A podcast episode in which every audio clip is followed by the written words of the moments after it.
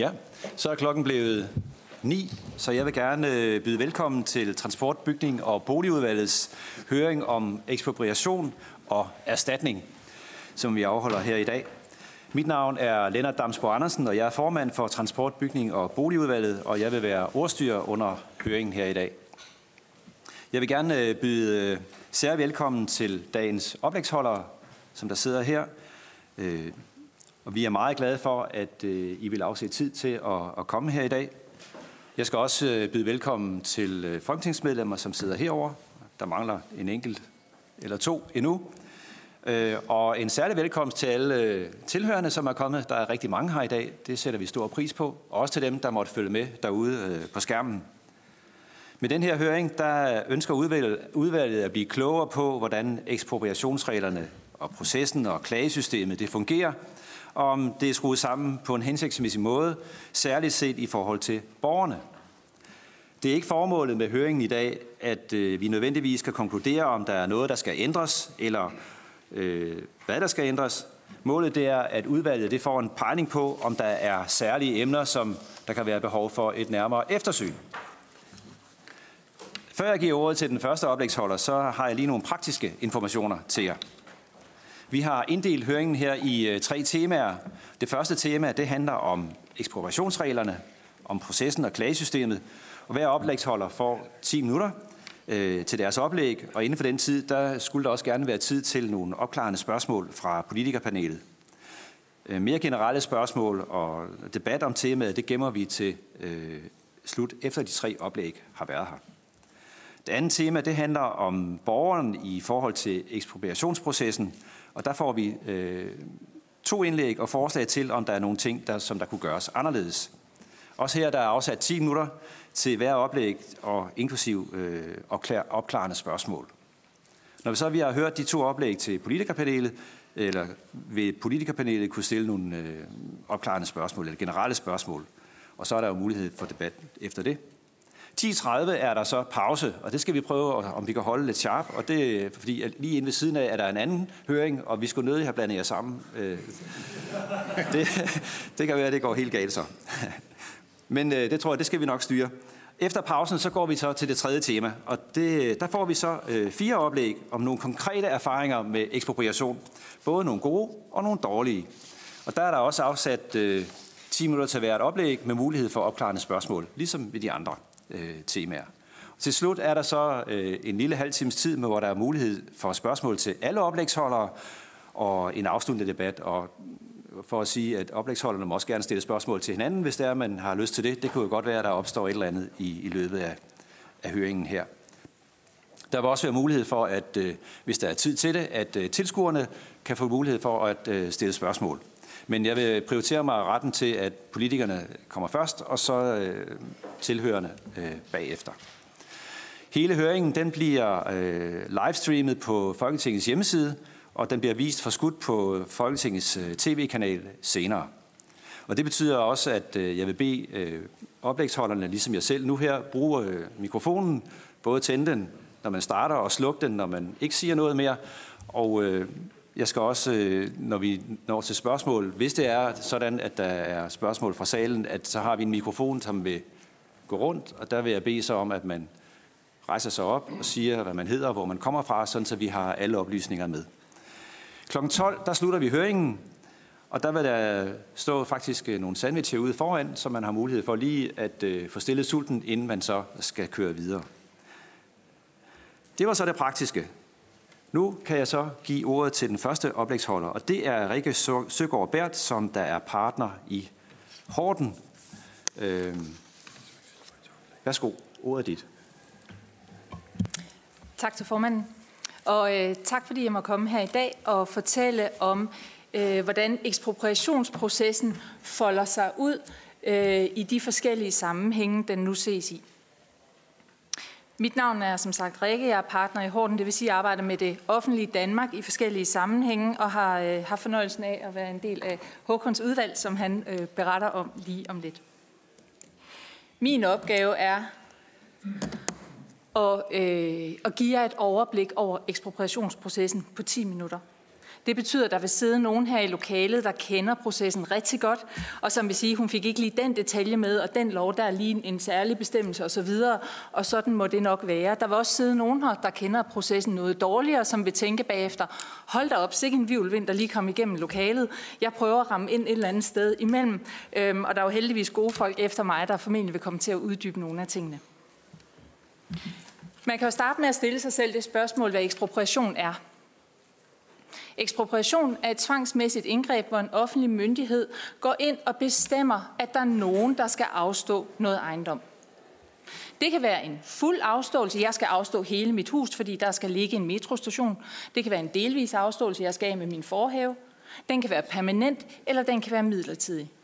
Men det er altså et tvangsmæssigt indgreb, og det vil sige, at vi har nogle regler, der i meget vidt omfang tager sigte på at beskytte det individ, der bliver ramt, om man så må sige, af en ekspropriation. Men samtidig med det, så har vi også behov for en samfundsmæssig udvikling. Vi har behov for, at der kan komme en cityring øh, i metroselskabet. Vi har behov for nye motorveje, en hel masse anlægsprojekter og i øvrigt en masse planlægningsmæssige interesser. Så kunsten er jo at finde den her balance mellem hensynet til individet og de beskyttelsesregler, der skal ligge der, og samtidig hensyn til den samfundsmæssige udvikling. Det, jeg vil fokusere på i dag, er som sagt de betingelser, der skal være opfyldt. Hvor, hvordan kan man overhovedet sådan de helt overordnede rammer for at ekspropriere? Så kommer vi til at kigge ind i ekspropriationsprocessen og ikke mindst i klageprocessen.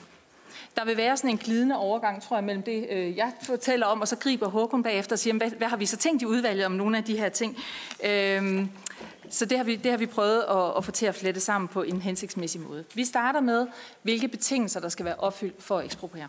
Ekspropriation er simpelthen et emne, der er så vigtigt, at det er reguleret i vores grundlov. Det fremgår af grundloven, at ejendomsretten er ukrænkelig, og så er nogle øh, forskellige bestemmelser om, hvordan man kan øh, så alligevel krænke den. Så ukrænkelig er den altså ikke, men der er nogle betingelser, der skal være opfyldt, for at man kan ekspropriere. Grundlovens paragraf 73 er altså den ramme, som Folketinget skal agere indenfor, og som myndighederne, der udfører ekspropriation, skal agere indenfor. Man kan ikke gennem lovgivning eller gennem praksis, den måde man udformer sin ekspropriation, den måde man gennemfører sin ekspropriation på, gøre det på en måde, der strider imod de regler, der er i grundloven. Øhm, Ekspropriationsbetingelserne er altså, øh, som der står i grundlovens paragraf 71 stykke, øh, 73 stykke 1, det er for det første, at ekspropriationen skal være nødvendig af hensyn til almenvældet. Jeg kommer tilbage til hver af de her kriterier, øh, går vi, kigger vi lige ind på bagefter. Så skal det have hjemmel i lov, og det skal ske mod fuldstændig erstatning. Det, der er det sjove her, det er, at de første to bestemmelser, som omhandler jura, og som sådan nogen som os, synes er meget, meget vigtige, øh, det er ikke så tit dem, man i virkeligheden kommer op og toppes om. Det, man kommer op og toppes om, det er pengene. Fordi folk, de står i en situation, hvor de føler sig øh, de føler sig udsat for en ekspropriation, bliver ramt af ekspropriation. Og det, man så bliver, øh, kommer til at blive uenige om, det er, jamen, hvilken erstatning skal jeg så have? Så erstatningsspørgsmålet oplever vi, at det, der i virkeligheden kommer til at fylde rigtig meget, rigtig hurtigt i de her sager. Vi kigger nu på betingelserne en efter en. Det første det er kravet om, at ekspropriation skal være nødvendig af hensyn til almenvældet. Hvad er almenvældet for noget? Ja, det er de her samfundsmæssige interesser, den interesse, vi alle sammen har i, at der for eksempel kan ske anlægsprojekter. Eller at en kommune kan sige, her skal der være en bypark, øh, vi, vi har behov for et rekreativt område. Og det indeholder altså det her politiske element, øh, fordi det er jo politikerne, der former, hvordan vores samfund skal folde sig ud. Man skal lægge, lægge mærke til, at den, det sker til fordel for, altså den, der rent faktisk udfører den opgave, der bliver eksproprieret til fordel for, behøver ikke nødvendigvis at være en offentlig aktør. Man kan altså godt ekspropriere, hvis det er et almindeligt formål, men at det er en privat aktør, der udfører det bagefter. Det var en af de, øh, en af de øh, ting, vi har set på i udvalget også. For eksempel, så kan man sige, hvis, en, hvis der skal være en skole, hvis der er en skole, der skal have behov for en større legeplads eller nogle, nogle øh, områder, ja, så er der altså der er ikke forskel på, om det er en privat skole eller en offentlig skole. Det ville nok lede til lidt øh, sådan tilfældighedsprægede resultater i så fald. Så er der kravet om nødvendighed. Det skal altså være nødvendigt. Man kan ikke gå ud og ekspropriere, hvis man kunne gøre noget mindre. Det skal være nødvendigt for at gennemføre det her indgreb, og man skal gøre det. Man skal ekspropriere så lidt som muligt. Det skal også være nødvendigt i en tidsmæssig henseende. Der skal altså være en aktualitet omkring det her. Man kan ikke gå ud og ekspropriere, fordi det ville også være meget rart, hvis kommunen havde det her, den her grund, hvis man nu senere skulle noget. Der skal være et krav om, at det rent faktisk er aktuelt. Og det er jo også selvfølgelig en af de her beskyttelseshensyn over for borgeren. Så det er altså noget med juraen, det her. Så er der også det her med, at ekspropriation skal ske ifølge lov. Der skal, det er altså ikke nok, at vi har grundloven, der siger, der kan eksproprieres under de her, bestemmelser, øh, under de her betingelser. Nej, der skal også være en konkret lov, som Folketinget har vedtaget om øh, enten en mere sådan generisk lov, eller planloven, eller miljøbeskyttelsesloven, øh, eller der skal være en helt konkret anlægslov, der siger for eksempel Femern-forbindelsen, jamen der kan eksproprieres til fordel for øh, Femern-forbindelsen, når den skal, øh, i forbindelse med dens etablering.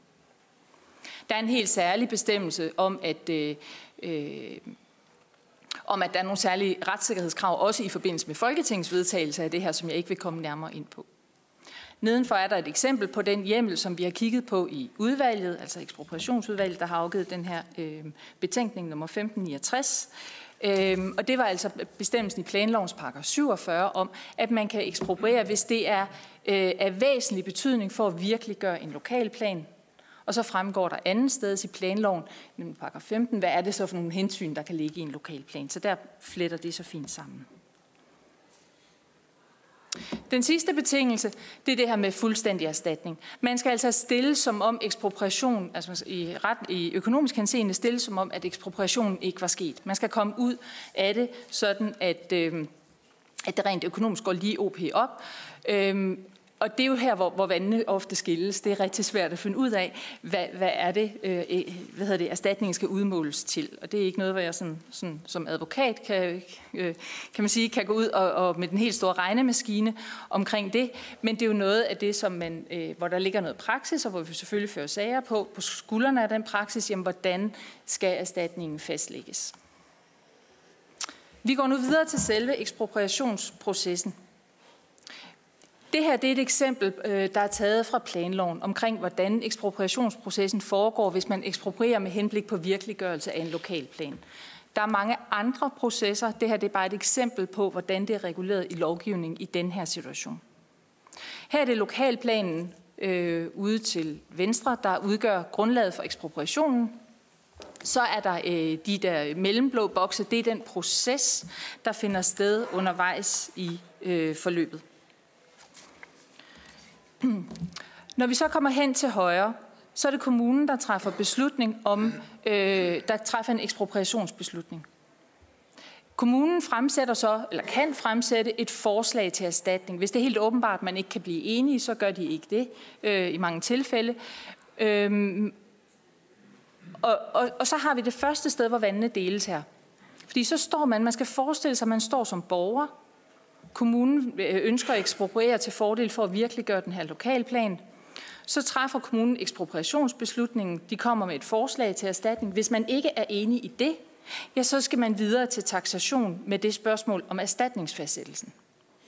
Hvis man så til gengæld står og siger, jamen jeg mener faktisk slet ikke, at den her ekspropriation er lovlig. Det er ikke et almindeligt formål, det er ikke proportionalt, det er ikke aktuelt ja, så skal man altså ikke til taxation med det spørgsmål. Nej, det spørgsmål, det kan man påklage til planklagenævnet. Så man står i en situation, som for borgeren jo synes at være et. Borgeren tænker, jamen jeg bliver eksproprieret, og jeg får de her penge, og jeg er ligesom utilfreds med det hele, men der kører to forskellige klagesystemer, når man, øh, hvis man er utilfreds her som borger.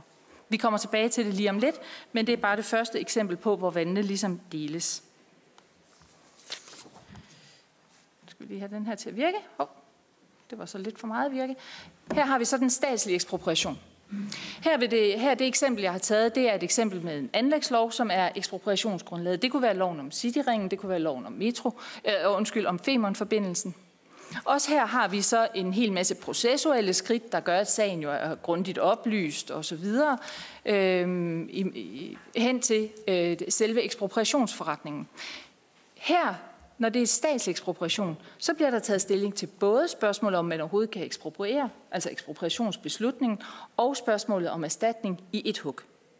Men også her, selvom man så står som borger og får den her samlede beslutning, så er det to forskellige klagesystemer, nemlig hvis man er utilfreds med erstatningen, ja, så skal man til taxation. Og er man utilfreds, finder man ikke, at indgrebet er lovhjemlet, det er altså ikke øh, et almindeligt hensyn, eller det er ikke aktuelt eller proportionalt, ja, så skal man øh, gå til domstolene. På det her punkt er der altså ikke mulighed for en, at øh, lave en administrativ klage. Her skal man direkte til domstolene. Det illustrerer vi i det følgende. Klagesystemet i den kommunale ekspropriation er altså sådan, at kommunen træffer beslutning om ekspropriation og eventuelt tilbyder en erstatning. Og så kan selve lovligheden øh, påklages i det venstre system med det administrative klageinstans. Man kan også vælge at gå direkte til domstolene. Og spørgsmålet om erstatning, ja, det kører så i et parallelt system over på den anden side. Som man forestiller sig den her borger, der sidder og bliver eksproprieret. Man mener ikke, at, der er, øh, at, at indgrebet er hjemlet. Det er altså ikke et, et almindeligt formål eksempelvis, eller ikke proportionalt. Og man er i øvrigt også utilfreds med erstatning. Så kører der ligesom to separate spor med de to spørgsmål. Jeg er ikke sikker på, at det for borgeren er sådan fuldstændig intuitivt forståeligt, hvorfor man ikke prøver det i et hug. Det statslige klagesystem, det er så sådan, at øh, som jeg nævnte før, at ekspropriationskommissionen træffer beslutning både om ekspropriation og fastsætter erstatning, men også her, selvom man får det som en afgørelse, ja, så, øh, så kører der igen to, øh, to adskilte spor der. Så det, man står tilbage med, når man står som borger her, jeg forestiller mig nogle gange, sådan, at det kunne være Andersen og Larsen. De mødes hjemme hos Larsen og sidder og drikker en kop kaffe, og så siger den ene, Nå, men jeg, jeg har jo fået noget brev, om jeg skal eksproprieres. Nå, hvem har du fået det fra? Det har jeg fået fra kommunen. Nå, jeg har også fået et brev, siger den anden, så det, hvem har du fået det fra?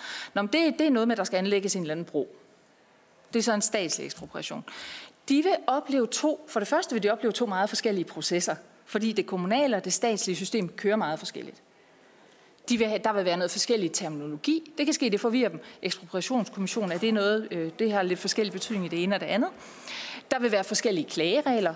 Den ene vil kunne påklage øh, beslutningen, altså selve lovgrundlaget, vil kunne påklage det til en administrativ klageinstans, det vil den anden ikke. Der er forskellige krav til, om man skal gå gennem den administrative klageinstans, før man går til domstolene. Og der vil være forskellige klageadgange generelt. Så samlet set står borgeren hvis man bliver mødt med ekspropriation, for det første i en ret sårbar situation. Og samtidig med det, så lægger man et relativt komplekst retligt net ned over det rent processuelt. Og det, øh, det, øh, jeg tror ikke, at hvis jeg sådan skal sammenfatte mine erfaringer fra udvalget, så tror jeg ikke, at vi oplevede, at myndighederne her går ud over deres beføjelser, men vi oplever nok, at det net, vi sådan, sådan, øh, som myndigheds Danmark har lavet, er en, en lille smule forvirrende. Måske nogle gange, det kommer Håkon øh, ind på, hvad vi så har tænkt omkring det. Men det er i hvert fald, øh, det jeg har forsøgt her, det er at sige, at det borgeren måske i virkeligheden har brug for, det er information og forståelse, og det man har lavet er et, et øh, system, som kan helt sikkert er tænkt rigtigt hver gang man har lavet det, men det har ligesom fået sådan en knopskydning, der gør, at det samlet set er blevet en lille smule komplekst. Det har vi, øh, jeg er fra Jylland, en lille smule komplekst. Tiden er ved at være gået, og derfor er der bare her til sidst en sammenfatning af, hvordan den kommunale og den statslige ekspropriation, hvis man sådan lige skulle sammenfatte det, øh, hvordan det så ser ud. Og så tror jeg, jeg kan klikke videre til dig måske, Håkon, medmindre der er spørgsmål til mig. Tusind tak for det. Det var i hvert fald meget fint for mig at opleve, øh, hvordan det her system det er strikket sammen. Og jeg kan se, at der er i hvert fald et opklarende spørgsmål fra Hans Christian Schmidt. Værsgo. Tak for det. Ja, jeg har sådan set mange spørgsmål, men da det er det opklarende, så vil jeg kun tage det ene. Det er fordi, at jeg har stødt nogle gange på det her aktualitetsprincip, som jeg i lang tid i grunden så som en beskyttelse af borgere. Indtil jeg fandt ud af, at det er det jo slet ikke. Det er en beskyttelse af staten sådan at staten kan fedte alle udgifterne af på borgeren, den sagsløse, indtil at det passer staten i grunden at sige, nu tror jeg godt, jeg vil have det, som jeg vil ekspropriere. Er det en rigtig udlægning, at nogen har givet mig den opfattelse, eller skal den nuanceres voldsomt? Du må godt prøve at svare, Rikke. Værsgo. Tak, og tak for spørgsmålet. Det var en af de ting, vi så på i udvalget, var jo lige nøjagtigt det her, den her situation, hvor en borger står og tænker, øh, man kan se planmæssigt, at man... Øh, at der kan komme et eller andet ind over en, der er måske øh, øh, planlagt til en motorvej i et område, og man står derfor i en situation, hvor man hverken kan sælge sin ejendom, eller i øvrigt kan komme videre, heller ikke kan få sin erstatning. Det var et af de spørgsmål, vi så på i udvalget, så jeg tænker, at Håkon vil, vil komme nærmere ind på det. Tak for det, og tak til Rikke Søgaard. Og så vil jeg give ordet videre til uh, Hakon Djurhus. Værsgo. Tak for det. Skal jeg lige se, hvad jeg kan finde. Det kan være, du lige skal hjælpe mig med plancherne. Jeg tror, hun starter. Når du starter måske, eller? Fint, fint. Fint, fint. Nå, øh, lad mig starte med begyndelsen. Vi blev nedsat efter et politisk kompromis, der blev lavet i sommeren 16. Et vækstkompromis. Øh, de tre nuværende regeringspartier og øh, Socialdemokratiet og Dansk Folkeparti var bag. Og øh, som jeg har set den proces, der har været efterfølgende, efter vi afleverede vores betænkning, så står man til synligheden skulder ved skulder der, også i hvert fald i de afstemninger, der har været øh, med lovændringer osv. På, øh, på det her. Vi blev nedsat som noget, der er forholdsvis nyt. Øh, et eksternt ekspertudvalg. Og det er en nyskabelse for de af der kan huske langt tilbage ved vide, at tidligere var det interesseorganisationer, der skulle varetage interesseorganisationers synspunkter. Og det betød jo, at så fik man nogle fragmenterede betænkninger, hvor der var ofte rigtig mange licenser. Og det gør dem ikke nemmere at anvende bagefter politisk, hvis det strider alle retninger. Øh, det vi kunne konstatere her, man gjorde det samme med ekspertpanel til foreningen af miljølovgivning, hvor jeg også øh, havde nære side. Øh, men det vi kunne konstatere her, det var altså, at det lykkedes at lave en betænkning med otte konkrete anbefalinger efter grundige analyser, øh, med en dissens på en anbefaling, og ellers var der konsensus i udvalget. Det synes jeg var kvalitetsmærke, som jeg i hvert fald stilede efter med, med stor hjælp, og fik øh, udvalgets hjælp til også at, at nå i mål med. Øh, så det blev ikke sådan en interesseorganisationsting. Der skete ovenkøbet det, før vi overhovedet afleverede betænkningen, der havde været rundt og vende for eksempel kommunernes landsforeningens bestyrelse, fordi det ville, man ville gerne have mandat derfra, og de bakkede også op. Høringssvarene på de øh, anbefalinger, der er, de har været øh, helt overvejende positive, stort set over en bred kamp. Øh, det er også tilfredsstillende at konstatere.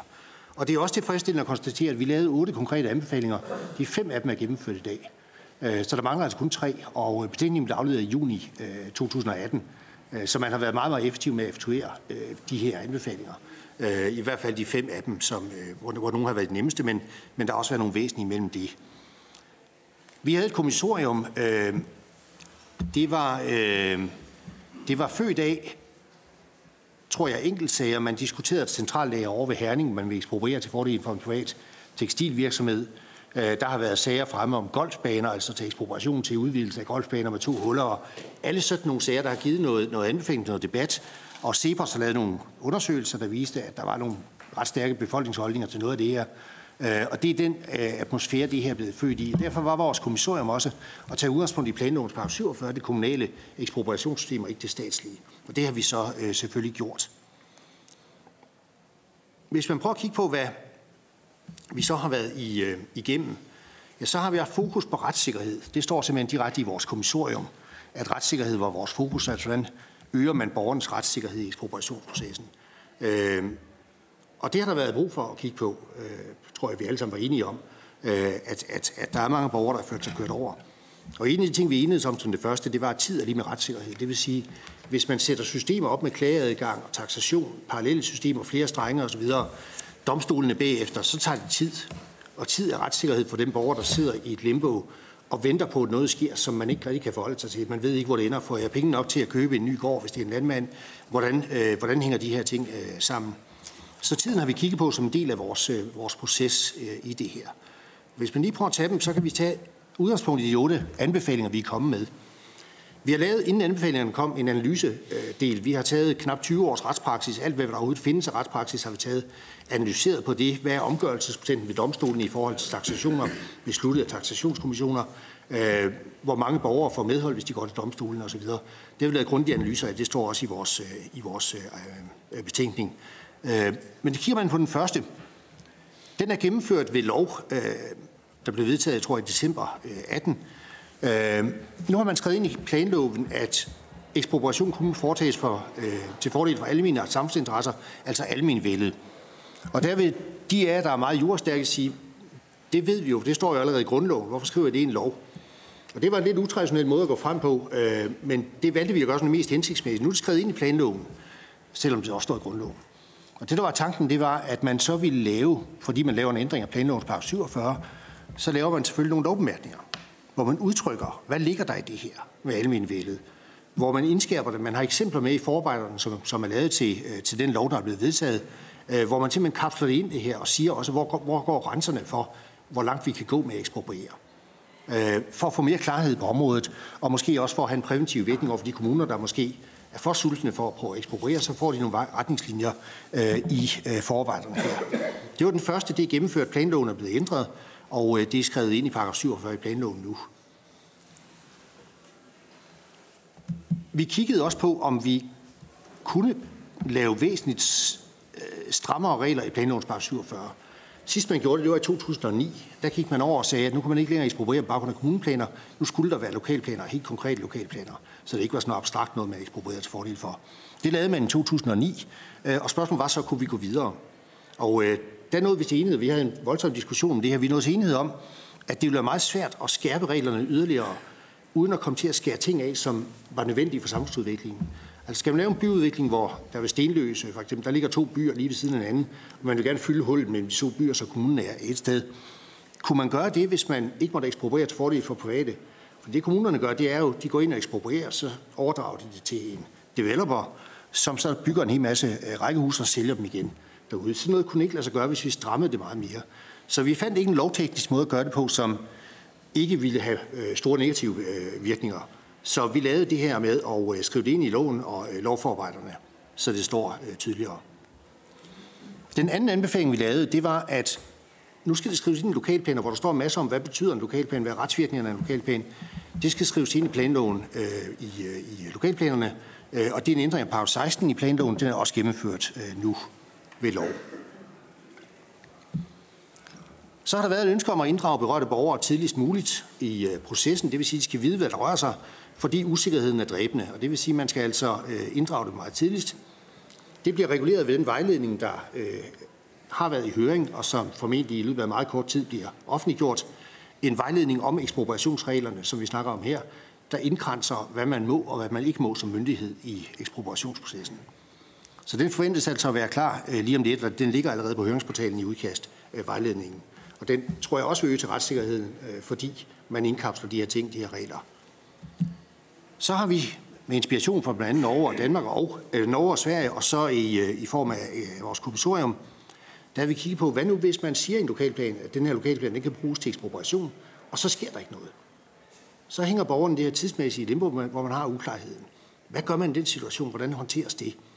Og øh, der var et forslag om en solnedgangsklausul. Vi blev enige om en kompromis på øh, fem år øh, for at få en beslutning om det her i udvalget, eller i hvert fald en enstemmighed i udvalget. Øh, og det er også sat i en planlov på nuværende tidspunkt. Og øh, så skal man kigge på, hvordan det så i praksis skal, skal udmøntes. Men den er også kommet igennem, den her anbefaling. En solnedgangsklausul. Det stopper på et eller andet tidspunkt. Jeg kan lige tage et, et, et sidespring, som det Rikke rørte ved før. Den her usikkerhed, der ligger for borgeren, og afklaringsmulighederne osv. Der kan jeg sige, der har man i planlovens paragraf 48, altså naboen til paragraf 47, som vi det hele startede med, der har man en bestemmelse, der siger, at hvis man i en lokalplan udlægger en ejendom til offentlige formål, det kunne være plejehjem, skole eller hvad det kunne være, så kan ejeren kræve, at det offentlige overtager hans ejendom. Det vil sige, at de ved taxation udmåler en erstatning, og så overtager de ejendommen. Det vil sige, at borgeren får selv mulighed for at bestemme tidspunktet i hvert fald i de situationer. Der har vi diskuteret, men det lå måske på kanten af vores kommissorium, så vi har ikke skrevet øh, meget om det, vi har diskuteret, om man kunne lave en tilsvarende ordning og rulle den ud bredere. Altså bruge paragraf 48-konceptet, som er kendt, og brede det ud bredere end det her. Øh, og det er der noget økonomi i, tror jeg. Så det kan godt være, at det også ville have været svært, vi har sagt det, men teknisk er der en løsning i hvert fald på den situation, der hedder uklarheden, som man har lavet af par 48, der har fungeret i, i en årrække. Og den diskuterede vi også. Det er vist også det, du var øh, blevet spurgt om øh, før. Så vil man indføre klagesagsproces, der bliver væsentligt forenklet. Her kan I se nederst det eksisterende system ved de kommunale ekspropriationer. Man startede over til venstre. Kommunen træffer en afgørelse om ekspropriation. Hvis man anfægter lovligheden, så går man til planklagenævnet. Hvis man øh, er utilfreds med deres afgørelse, så er det byret landsret, og så er der gået en to-tre år. Hvis man så er færdig efter tre år, og ekspropriationen er lovlig, så starter man forfra, ligesom i Ludo, over i den næste system, over i den næste søjle, med en taxationskommissionsafgørelse. Over taxationskommissionsafgørelse, der kan man ikke gå udenom det, man skal følge det system, og yderst konsekvenser også to øh, retsinstanser så er man måske op på 4-6 år i, øh, i øh, tid, og der er omkostninger og alt muligt andet, øh, både menneskelige og økonomiske. Det system synes vi simpelthen, det er for indviklet og for unødigt indviklet og for langsomt. Og borgeren kan slet ikke forstå, at man skal kæmpe i to søjler. Når man er færdig med den ene og helt udmattet, så starter man i den næste. Derfor har vi foreslået et system, der bliver enstrenget. Det er det, der er vist over øverst her. Vi siger, at kommunen skal ikke selv udmåle erstatningen og komme med tilbud. Det skal en ekspropriationskommission, der sidder derude. De træffer en bindende afgørelse om erstatningen. Den har kommunen med til åstedsforretningen. Og så beslutter kommunen, om der skal eksproprieres eller ej. Hvis man er uenig i det, øh, så går man til øh, et administrativt organ, et nyt nævn, man laver over nævnets nævnens hus, der så vurderer øh, dels, er det en gyldig ekspropriation, og erstatningen udmålt rigtigt. Og så kan man vælge godt domstolene bagefter. Det vil sige, at vi har et væsentligt kortere system, tidsmæssigt, omkostningsmæssigt og i alle hensener, og det vil være meget nemmere at forstå for borgerne. Og jeg er enig med Rikke i, når hun så siger, at så giver det ikke mening, hvis man så, så ser hvad hedder det, separate systemer, et for staten, et for kommunerne, det giver for meget forvirring, så skulle man selvfølgelig følge det her over i det statslige også. Øh, og det var der en, en bred opbakning til efter, efter lange diskussioner, at det skulle gøres enklere og nemmere. Det er ikke gennemført nu. Det kræver formentlig også et større arbejde, men det kan gennemføres. Den sjette anbefaling det var at gøre, ligesom man har gjort i Norge og Sverige, øh, og som ekspertpanelet vedrørende miljølovgivning har anbefalet. Man samler love, der hører sammen i en lov. På nuværende tidspunkt skal man i en lov om offentlige veje, hvis man har en kommunal ekspropriation, sidde og læse regler i vejloven, hvilket der ikke er, er naturligt øh, nødvendigvis, når det er noget lokalplanmæssigt, vi sidder med. Øh, der er en ekspropriationsprocesslov på det statslige område. Der er regler her og der alle vejen. Det giver ikke mening, og ingen ved, hvor de skal lede hen. Øh, selv jurister på vores kontor, som beder dem om at lave noget, øh, der prøvede det første gang, de har svært ved at finde rundt i det. Øh, så vi har foreslået, at man samler alle de processuelle regler i en lov, således der er fælles regler på det. Det gør det meget mere enkelt. Det er, det er heller ikke gennemført, nej. Den skriftlige vejledning, den er på vej, og det ligger formentlig inden for et par uger, så er, er vejledningen plads. Jeg har læst den, den er vældig fornuftig øh, at se på. Og den sidste, det var så øh, omkostningsspørgsmålet. Det er heller ikke på plads. Man har diskuteret en ordning ligesom på skatteområdet, man har diskuteret mange ting. I dag er det sådan, at hvis man siger, at man vil have sagkyndige omkostninger, godt sagkyndige omkostninger, for eksempel kommunal ekspropriation, så siger myndigheden, det er det juridiske udgangspunkt, der gælder et officielt princip, myndighederne skal oplyse sagen. Det har de gjort med alle mulige eksperter. Det vil sige, at man får ikke godt gjort noget øh, til det her. Der var nogle eksempler på i udvalget, man havde fra kommunens side samtidig advokater med eller landinspektører med til ekspropriationsforretningen, og borgeren kunne ikke få godt gjort noget osv. Der diskuterede man, om det var rimeligt. Det er der heller ikke en afklaring på endnu. Vi har, øh, vi har forholdt os til spørgsmål og prøvet at analysere det. Øh, men det er sådan set status, altså et, et godt forberedende forløb, synes jeg, og et godt efterfølgende forløb ved, ved lovgivers og embedsværksforanstaltning. Øh, og det startede i juni, og nu har vi altså 5 ud af 8 realiseret. Ja. Tusind tak for det. Der er et par opklarende spørgsmål. Vi starter med Hans Christian Schmidt først. Værsgo. Tak for redegørelsen. Det var lige det med aktualitetsprincippet. Det vil jeg nemlig meget gerne høre dig sige øh, noget om. Og så vil jeg godt lige spørge om, at det der med straks ekspropriering, du nævnte, at det var økonomien. Der var noget økonomi i det. Altså som jeg ser det, så er der økonomi i det. Enten har staten udgiften, eller så finder vi det af på borgerne. Altså der er to muligheder. Men der er økonomi i alt tilfælde. Sådan er det jo. Er, er det det eneste, der afgjorde, at man ikke kom frem til, at man i grunden gav borger lov til altid at kunne blive straks eksproprieret. Ligegyldigt hvad, så kunne man sige, ved hvad det her, det, det vokser mig overhovedet, jeg kan slet overskue det, nu vil vi gerne straks ekspropriere, så kan I jo sælge vores ejendom, eller gøre, hvad I vil bagefter. Er det den eneste grund? Værsgo at svare. Tak. Øh, hvis jeg starter med det sidste. Øh, vi kunne ikke nå til enighed om det punkt. Altså, vi havde par 48 fremme og analyserede den, og sagde, at her har vi et redskab, der i hvert fald fungerer på det område, men det er jo så snævert område med offentlige formål øh, og diskuterede det metodemæssigt, men vi nåede ikke frem til enighed om, om det punkt. Det tror jeg, der var derfra, der, hvad vi drøftede om det. Øh, det kunne vi ikke nå til enighed om i, udvalget, øh, det punkt, men, men vi havde diskussionen. Øh, så er der det med aktualiteten, og der kan jeg sagtens følge, følge betragtningen om, at, at retssikkerhed for hvem. Der er en, der er en grundsætning om, at ekspropriationssætning er skattefri, for eksempel. Og øh, der har været en øh, sag, hvor en kommune ville ekspropriere på et eller andet tidspunkt et område. Og på et tidspunkt indgår man så en frivillig aftale om, at nu overtager kommunen ejendommen. Og så sagde øh, ejeren, så går jeg ud fra det ekspropriationslignende vilkår, det havde han forudsat, og så vil, vi erstatning være skattefri. Øh, nej, sagde højesteret, øh, det er det ikke, fordi det er jo ikke aktuelt at ekspropriere på det tidspunkt. Øh, så det har været oppe i de der vinkler også, altså, at det så øh, udløser det så skat, hvis man, øh, hvis man gør det på den måde. Det gjorde det så efter, efter højesterets mening, som, som systemet er nu her. Men jeg kan godt forstå, at den kan ses fra to sider af aktualiteten. Øh, der har været andre afgørelser end, en, øh, en jagtklub vi eksproprierer til en skydebane, så spørger landsretten dem, der den kommer helt op i landsretten, har I samlet pengene ind til den her skydebane? Det havde de så ikke endnu. Så siger landsretten, det er ikke aktuelt, og så røg øh, sagen tilbage igen. Så det er en tvist, men jeg forstår udmærket at se på den fra begge sider. Jeg har øh, to spørgsmål mere. Jeg tænker, at vi tager, øh, begge, hvis I kan tage begge spørgsmål nu her, og så du svarer øh, samlet på det. Og så ved jeg godt, der er markering fra øh, dig, Hans Otto, men øh, det bliver til allersidst, at I får lov til at stille spørgsmål til hinanden, hvis det er okay. Så i hvert fald som tidsplanen ser ud lige i øjeblikket. Men øh, hvis der bliver plads, så ser vi. Først så er det øh, Merete D. Larsen, og der står godt nok S der, men du er fra Dansk Folkeparti. Står der S på den side? Ja, det er noget værd noget. Sådan. det var en fejl. Ja, det ændrede jo noget. Nå, men så er det jo jer om bagved, der lige må være opmærksomme. Jamen, øh, tak for nogle, for nogle fine oplæg. Jeg tænker lidt, øh, de to systemer, det kører i, som jeg forstår det, kunne det jo godt køre parallelt. Øh, for nu forstår jeg på det sidste indlæg, at, at de kan køre i forlængelse af hinanden. Det er også lidt relevant for mig at høre, om det er fire til fem år i alt, eller seks år var du faktisk op på, eller om det er i forlængelse af hinanden. Og når det er på plads, hvis man valgte det andet system, som I har foreslået, hvor lang tidshorisont vil der så cirka være vurderet? Det kan man jo ikke sige 100%, men man kan jo godt lave en vurdering. Og så den anden ting, jeg havde, det var omkring den her solnedgangsklausul på fem år, at øh, kommunen skal have ikke, hvad hedder det, effektueret det der. Hvad så bagefter? Fordi altså, de fleste kommuner, tænker jeg bare, vil jo stadigvæk have det liggende i planskuffen, så borgeren står sådan set ikke bedre af den årsag, som jeg ser det. Og vi tager Rasmus Prehn fra Socialdemokratiet også. Værsgo. Jamen, jeg vil også gerne takke for de gode oplæg indtil nu. Det var lige med hensyn til det her straks ekspropriation, som jo umiddelbart virker enormt øh, tiltalende. Og vi har også forsøgt os med det i forhold til togfonden. Det vil så sige, at det har vi ikke øh, fået entydig ros for.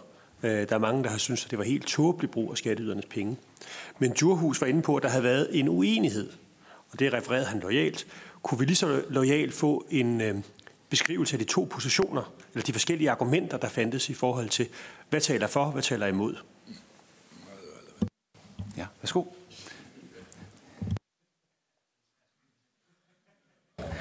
Den med, den med tiden øh, for til den, det er faktisk kumuleret således, at du tager først to-tre år i den ene, og så to-tre år i den anden, hvis det går rigtig galt. Øh, sådan som vi har beregnet de der sagsbehandlingstider, der ligger.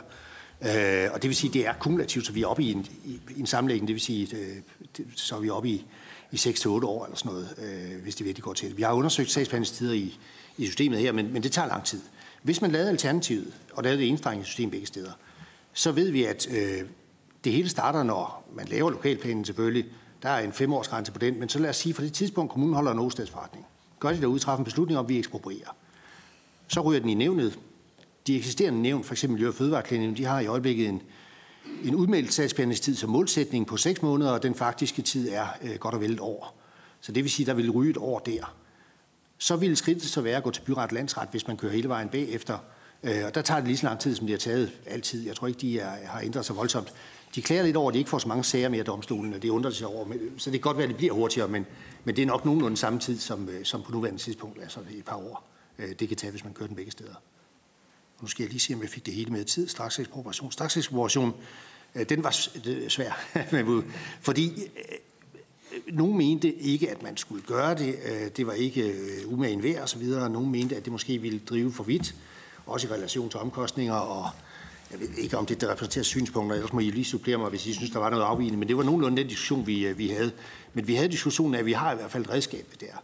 På det statslige område har man også et redskab, fordi man jo øh, tillader forlodsekspropriation i mange tilfælde. Øh, der skal man så ind og vurdere, den der gerne vil indløses der, er det en, en, der virkelig har behov for det. For eksempel en folkepensionist, der ikke har råd til at sidde i huset mere, og vil gerne flytte ind i en lille lejlighed i byen, hvor, hvor børnene bor, eller sådan et eller andet. Der får man lov til, til en forladsekspropriation. Men der er altså nogle kriterier, der skal, man skal igennem for at komme det hjem. Men, men der har man systemet i hvert fald. Øh, også hvor der er en, en snæver adgang, men der er en adgang øh, i det system. 48 er selvfølgelig bredere, der har man retskrav på at blive overtaget, hvis det er.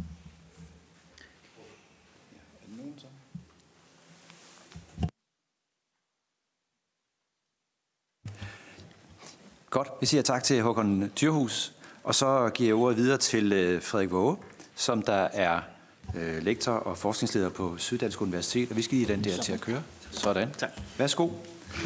Mange tak for det. Ja, tak for det. Kort præsentere mig selv. Jeg hedder Frederik Våge. Jeg, jeg er lektor og forskningsleder ved Syddansk Universitet. Jeg havde også den øh, fornøjelse at være medlem af, af, af det udvalg, som, øh, som Rikke Bert øh, sad i, også som Hågan var øh, formand for ekspropriationsudvalget. Øh, Øh, Baggrund for, at jeg øh, for, for mit indlæg her, det er, det er et speciale i, øh, i, i det offentlige som procespart og, og det offentlige øh, deltagelse i retssagsbehandling. Øh, og øh, man kan sige, at øh, når man har været igennem øh, det omfattende forløb, vi primært har talt om her, med øh, og måske være gået til den myndighed, der har øh, for, planer om at forestå øh, ekspropriationen og forestå ekspropriationen, når man er gået til til planklagenævnet, til taxationskommissionen, når man har, om man så må sige, udtømt de administrative øh, muligheder, øh, så er det, man går et skridt videre øh, og, øh, og går til domstolene. Og jeg betragter sådan set den her proces, ekspropriationsprocessen, som et hele. Altså man må se de almindelige domstole og den øh, Øh, mulighed for at, at, at løse tvister øh, ved de almindelige domstole som, øh, som et sammenhængende system, som spiller sammen med øh, de øvrige øh, øh, administrative regler for behandling af øh, ekspropriationssager. Øh, der er det sådan set interessant øh, nok at se, at vi har en bestemmelse i grundlovens paragraf 73, stykke 3, som siger, at det er et hvert spørgsmål om ekspropriationsaktens lovlighed og erstatningsstørrelse kan indbringes for domstolene. Og på at prøvelsen af erstatningsstørrelse, den kan henlægges til domstolen, som oprettet i det øje med.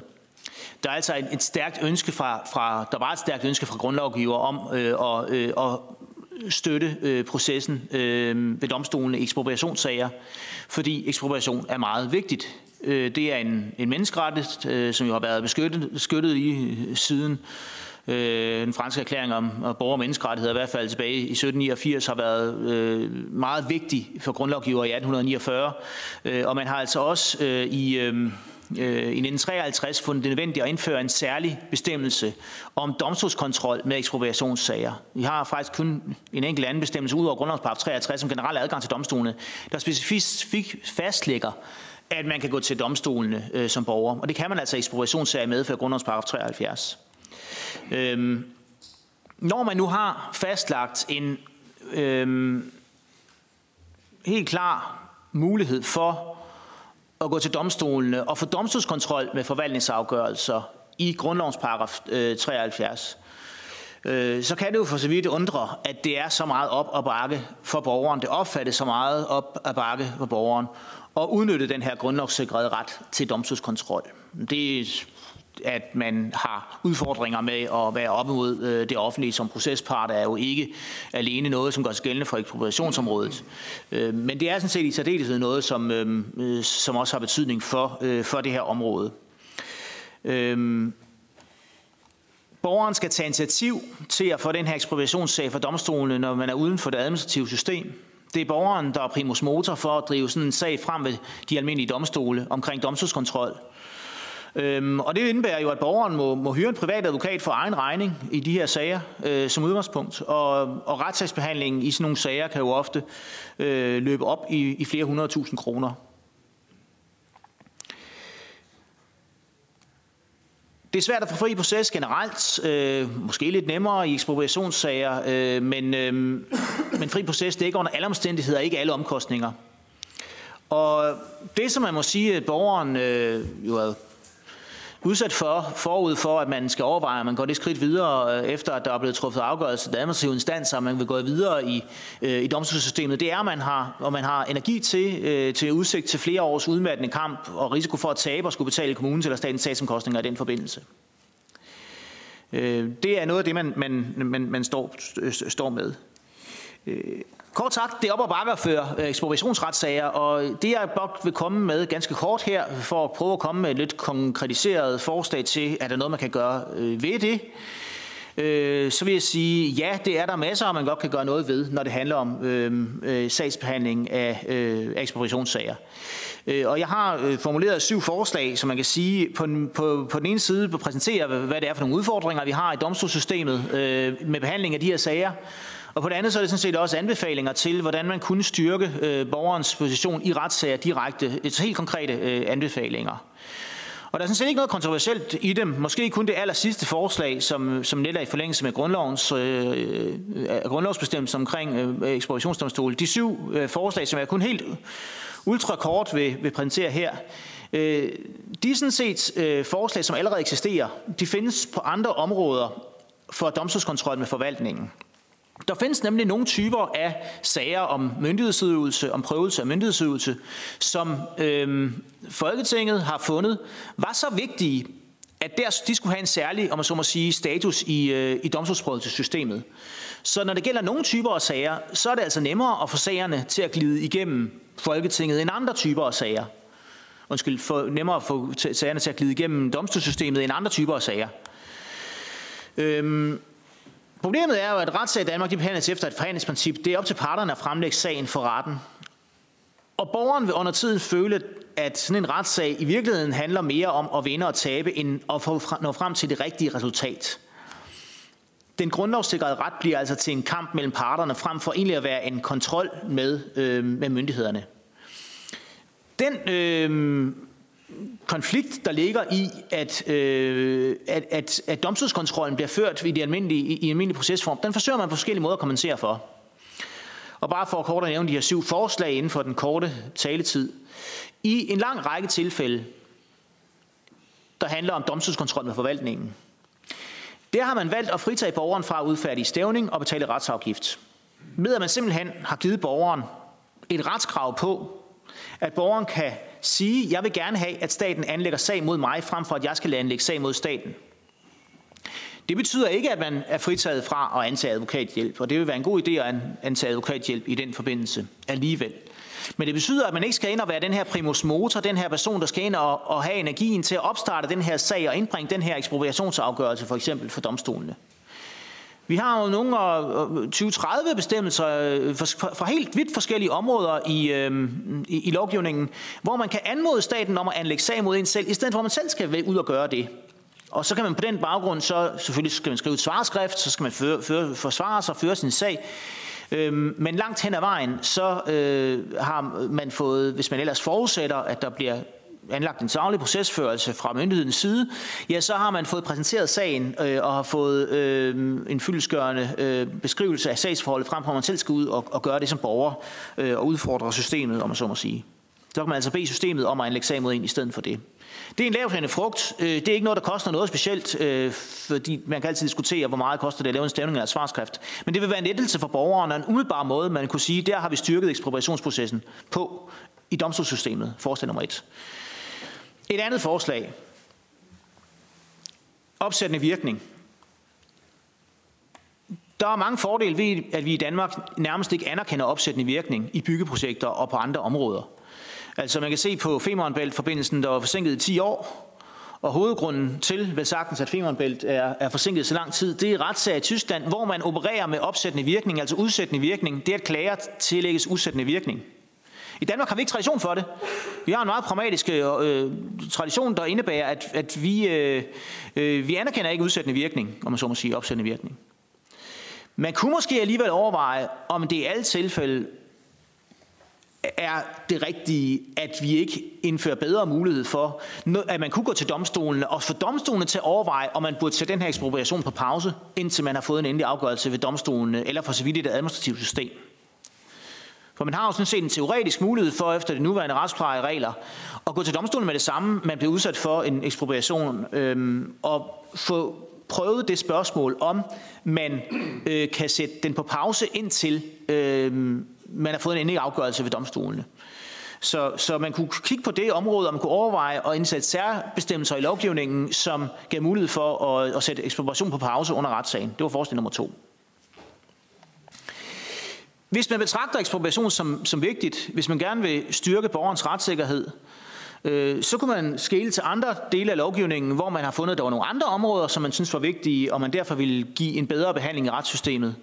Øh, og et område, vi har, øh, det er øh, de såkaldte mandatarordninger, vi kender fra tre forskellige områder i domstolssystemet, øh, nemlig fra henholdsvis lejelovens område, hvor kommuner kan optræde som mandatar for borgere fra øhm, øh, fra ligebehandlingsnævnets område og fra forbrugerklagenævnets område. Og kort sagt, i ligebehandlingsnævnet er sådan, at hvis man får medhold i ligebehandlingsnævnet, hvis man så må sige vinder over myndigheden i ligebehandlingsnævnet, ja, så går nævnets sekretariat ind og fører sagen på vegne af borgeren og svarer og betaler alle udgifter, der er forbundet med retsfærdsførelsen. Det er omkostningstungt, det er klart, og det er ikke en, øh, i modsætning til de to første forslag, en, kan vi sige, økonomisk neutral øh, udgift, det her. Øhm, men det er altså noget, man kunne gøre, hvis man ville, for det har man gjort på andre områder. Det har man synes, det var så vigtigt at understøtte ligebehandling og ligestilling. Øh, det kunne man også vælge at sige, jamen altså, øh, hvis man får medhold i en eller anden instans i øh, en myndighed, ja, så kan, man, så kan den myndighed understøtte borgerens øh, øh sagsbehandling videre. Et fjerde forslag, igen noget, der sådan set er lige til at gå til. Vi, kan, vi har det fra andre områder. Man kunne give bedre muligheder for at få fri proces i ekspropriationssager. Der er nogle oplagte økonomiske og retsøkonomiske betragtninger der, som jeg ikke vil komme nærmere ind på. Men det var selvfølgelig også en mulighed at sige, at man så på fri procesordningen, forsøgte at forbedre den. Øhm, det var forslag nummer 4. Så har vi omkostningsdækningsordningen, som Håkon også var kort inde på. Øhm, I skattesager mener man, at det er så vigtigt, at skattesager bliver behandlet rigtigt i domstolssystemet, at der skal man have fuld dækning af sine advokatudgifter. Skattesager er meget vigtige, men ekspropriationssager er åbenbart ikke så vigtige. Øh, jeg ved ikke, hvad resonemanget er. Man kan jo i hvert fald overveje at sige, hvis man mener, at man øh, gerne vil gøre noget på ekspropriationsområdet, så kunne det også være en mulighed. Og så må man sige, så prioriterer man det. Øh, sammen med de øvrige forslag, så er det alt sammen noget, der er prioriteret inden for nogle områder, som man altså også kunne prioritere her, og som vil være en, endnu en, en enkel måde at, øh, øh, at styrke retssikkerheden på. De sidste to forslag her, øh, inden jeg straks skal, øh, skal afslutte min korte øh, gennemgang af, hvordan vores system ser ud, og jeg er ved at være, og det er vi ved at gå, være løbet til for tid allerede. Paragraf 53 stykke 3 her siger som sagt, er som sagt en grundlovssikret ret, som borgeren har til at kunne øh, gå til domstolene, og man altså fra grundlovsgivers side fundet det meget vigtigt at øh, kunne gøre det. Øhm, det man kunne overveje forlængelse af, det var at sige, at når nu grundlovsgiver har fundet det så vigtigt at understøtte processen i, i ekspropriationssager, så kunne man overveje at give retten nogle særlige undersøgelsesbeføjelser i ekspropriationssager på samme måde, som vi kender fra andre områder, hvor retten medvirker til at opklare sagen og hjælpe borgeren med at få sin ret. For eksempel gælder det i ægteskabssager eller faderskabssager. Det vil være forslag nummer 6. Og endelig Rolls-Royce-modellen, øh, hvis man siger, at det her område det virkelig er så vigtigt, at vi skal ske noget helt radikalt anderledes. Vi skal simpelthen ændre på den måde, vi behandler ekspropriationssager på. Ja, så ligger det sådan set lige for, at man har indført i grundlovens paragraf øh, 73 stykke 3, at man kan oprette særlige ekspropriationsdomstole. Det er noget helt særligt for det her retsområde. Der er der sådan nogle tanker om det, og hvis man ønsker at gå videre med det, så er det altså en mulighed. Tak. Tusind tak for det. Ja, det er rigtigt, at tiden den er gået godt og vel, men omvendt så er det også vigtigt at komme alle forslagene igennem, så derfor så synes jeg, at det var vigtigt, at øh, du fik lidt ekstra taletid. Der er spørgsmål fra Hans Christian Schmidt. Men tak for endnu et spændende øh, indlæg. Jeg har sådan set kun et spørgsmål opklarende i det. Jeg har mange andre til dig. Men det, jeg vil spørge dig om opklarende, det var, hvornår og hvor kommer det ind, at øh, vi ikke har øh, opsættende virkning, at vi respekterer det i Danmark. Altså, jeg havde fornøjelsen af at spørge min øh, tysk kollega engang, øh, hvorfor man gjorde det i Tyskland. Hvor til han svarede mig, det rette spørgsmål er der, hvorfor I ikke gør det i Danmark. Altså, Nå nej, det var jeg selvfølgelig helt enig i, men, men jeg siger bare, der er jo mange andre, der undrer sig over, at man har en opsættende virkning. Det har bare ingen betydning. Og, og for borgere vil en opsættende virkning have betydning, at du er nødt til at stoppe med det, du er i gang med, indtil at de har truffet en afgørelse, hvor efter så man kan se, hvem har ret af os. Men hvis en opsættende virkning ikke virker, så betyder det, at du kan bare fortsætte med det, du gør. Og hvis så det ved et langt senere tidspunkt viser sig, at du i grund har uret, nå ja, det er jo så... Altså, man kan jo godt forstå, at befolkningen kan have lidt en holdning til det, men hvornår kom det ind? Altså, hvor, hvor hænger det sammen med? Ja, øh... Men øjeblik, det skal lige slukke, Hans Christian. Og du må også gerne slukke. Ja. Jeg skal også slukke. Ja, tak, fordi at, uh, Rasmus Prehn får også lige lov til at spørge. Ja, det er bare i forlængelse af det. så lige prøve at høre om ikke, altså som jeg forstår det, så er tyskerne jo ved at lave om på deres ordning, fordi den netop er for omstændelig. Så det kunne være, at du kunne komme lidt ind på det også. Sådan. Værsgo. Tak for det. Hvordan det er kommet ind, øh, der, er, der er forskellige forklaringer på det. Øh, Grundlovens paragraf 63 siger, at den, der bringer en sag for domstolen, ikke derved kan unddrages fra, fra forløbig og efterkomme øvrighedens øh, befaling. Så der ligger noget forfatningsretligt, øh, nogle forfatningsretlige aspekter omkring det her spørgsmål, øh, noget man har ønsket at understøtte. Øhm, i 1994 øh, afsagde Højesteret øh, en, øh, en dom om øh, Øh, opsættende virkning, som sådan set var den første, der, der på domstolsområdet øh, ulovhjemlet gav mulighed for det. Øh, så det er noget forholdsvis nyt, øh, og det er altså praksis, som, øh, forholds, som stadigvæk er meget, meget begrænset. Øh, det her spørgsmål omkring øh, opsættende udsættende virkning og, og altså, jeg mener, at det, det er jo, det, altså, det, det, det er jo et, et ønske om at sikre øh, øh, forvaltningens effektivitet. Øh, og øh, man kan sige, i, som sagt, øh, i Danmark kan vi, kan vi ikke stoppe broer, men det kan vi altså i, øh, øh, i Tyskland for eksempel. Vi har simpelthen en dom fra højesteret også, øh, hvor man forsøgte at, øh, at, at sætte en stopper for Øresundsbroen, eller sætte den på pause, indtil man havde fået afklaret de retlige spørgsmål. Og, den, og der fastslog man altså, det, det, det kunne man ikke. Så højesteret har indlagt en, en, en, en hård linje, hvad det angår. Men det er jo ikke noget, man ikke kan ændre på som lovgiver, hvis man ønsker det. Man kan sådan set bare give bedre redskaber og give, for, formulere i forarbejderne, at, at man skal have bedre mulighed, hvis nogle kriterier er opfyldt for det. Og så vil domstolen jo også øh, kunne rette ind efter det. Øhm, i forhold til det tyske system, øh, så, øh, øh, så er det ikke bare i Tyskland, at, øh, at det er sådan, at man kan tillægge opsættende øh, virkning øh, større betydning. Øh, og jeg skal ikke kunne, jeg, jeg er ikke bekendt lige konkret med, hvad det er for, for, for forandringer der, der, der, der stiles til. Vi har et, et, et, omfattende, tysk, et omfattende tysk forvaltningsdomstolssystem, øh, men det ligger som en helt en gennemsyret del af, af den måde, man, øh, man behandler forvaltningssager på i Tyskland, at, øh, at det er muligt, at man foretager nogle justeringer, det er jeg ikke bekendt med øh, som sådan, men, men, øh, men jeg tvivler på, at, at det er øh, sådan, at man går fuldstændig op med den her øh, øh grundlæggende mulighed, man har for at kunne, øh, kunne gøre det. Og, og jeg mener bestemt ikke, at vi skal nå nødvendigvis langt med begrænsninger i muligheden for at tillægge noget opsættende virkning i Danmark ved domstolene. Det er jo et politisk spørgsmål selvfølgelig, hvor langt man vil, vil trække det man må måske bare overveje nogle gange, om man kunne justere lidt på det her, og så sige, at, at øh, der kunne man, hvis visse betingelser var opfyldt, altså godt øh, gribe ind. Men det er jo klart, at det er jo, det er jo sammenstød med almenvældet her. Så, øh, øh, men interessant ved, ved udviklingen i Tyskland, hvis det kunne have betydning, fordi det må jo sige, at, at Femernbælt-sagen jo er en interessant case, hvad det angår. Øh, så den over for for eksempel andre byggeprojekter i Danmark. Siger tak til Frederik Våge, og det er jo rigtigt, at Femeren den viser netop forskel, hvad, også forskelligheden i det danske og det tyske system i forhold til alle mulige beslutninger. Både øh, beslutninger om at bygge, men også ekspropriation. Så det er, kan være en meget god case at diskutere. Vi er en lille smule bagud i forhold til, forhold til vores tidsplan, men jeg vil godt lige øh, give et par minutter, hvis at, øh, der er nogen af politikerne, der har flere spørgsmål til vores første oplægsholder på nuværende tidspunkt. Okay, dem tager vi til sidst så. Godt. Så går vi videre til næste tema, og øh, det handler om, hvordan øh, borgerne er stillet i forhold til ekspropriation. Og øh, der skal vi starte med at byde velkommen til øh, Preben Lyngsø, som der er landinspektør i LIFA. Og øh, værsgo, ordet er dit, og du skal bare tænde på mikrofonen, så er du på. Sådan. Tak, og tak for indbydelsen til høringen her. Og så er det en, benytter jo den her mulighed til at pege på nogle forhold, som vi mener kan bidrage til en smidig og mere brugervenlig borgervenlig øh, tilgang til areal- og rettighedserhvervelse. Øh, de ting, vi siger, er ikke myndet på nogen øh, specifik øh, lovgivning, men det har praksis i, øh, i øh, flere års erfaring med, med at arbejde med de her ting. Og vi bevæger os nok lige lidt fra jorden og så ned i, i mulden, om man så kan sige. Øh, det, øh, vi nævner i dag, det er øh, muligheden for mere anvendelse af, af frivillige aftaler – eller eventuelt at øh, give et krav om noget større øh, direkte grundejerorientering forud for øh, for eksempel en hovedstadsforretning. Det andet punkt det er at give mulighed for direkte forelæggelse for taxationssystemet efter en øh, vellykket frivillig aftale. Og det sidste punkt det er at lette adgangen til afgørelse for taxationsmyndighederne. Areal- og rettighedserhvervelse det sker i de øh, fleste tilfælde øh, via ekspropriation.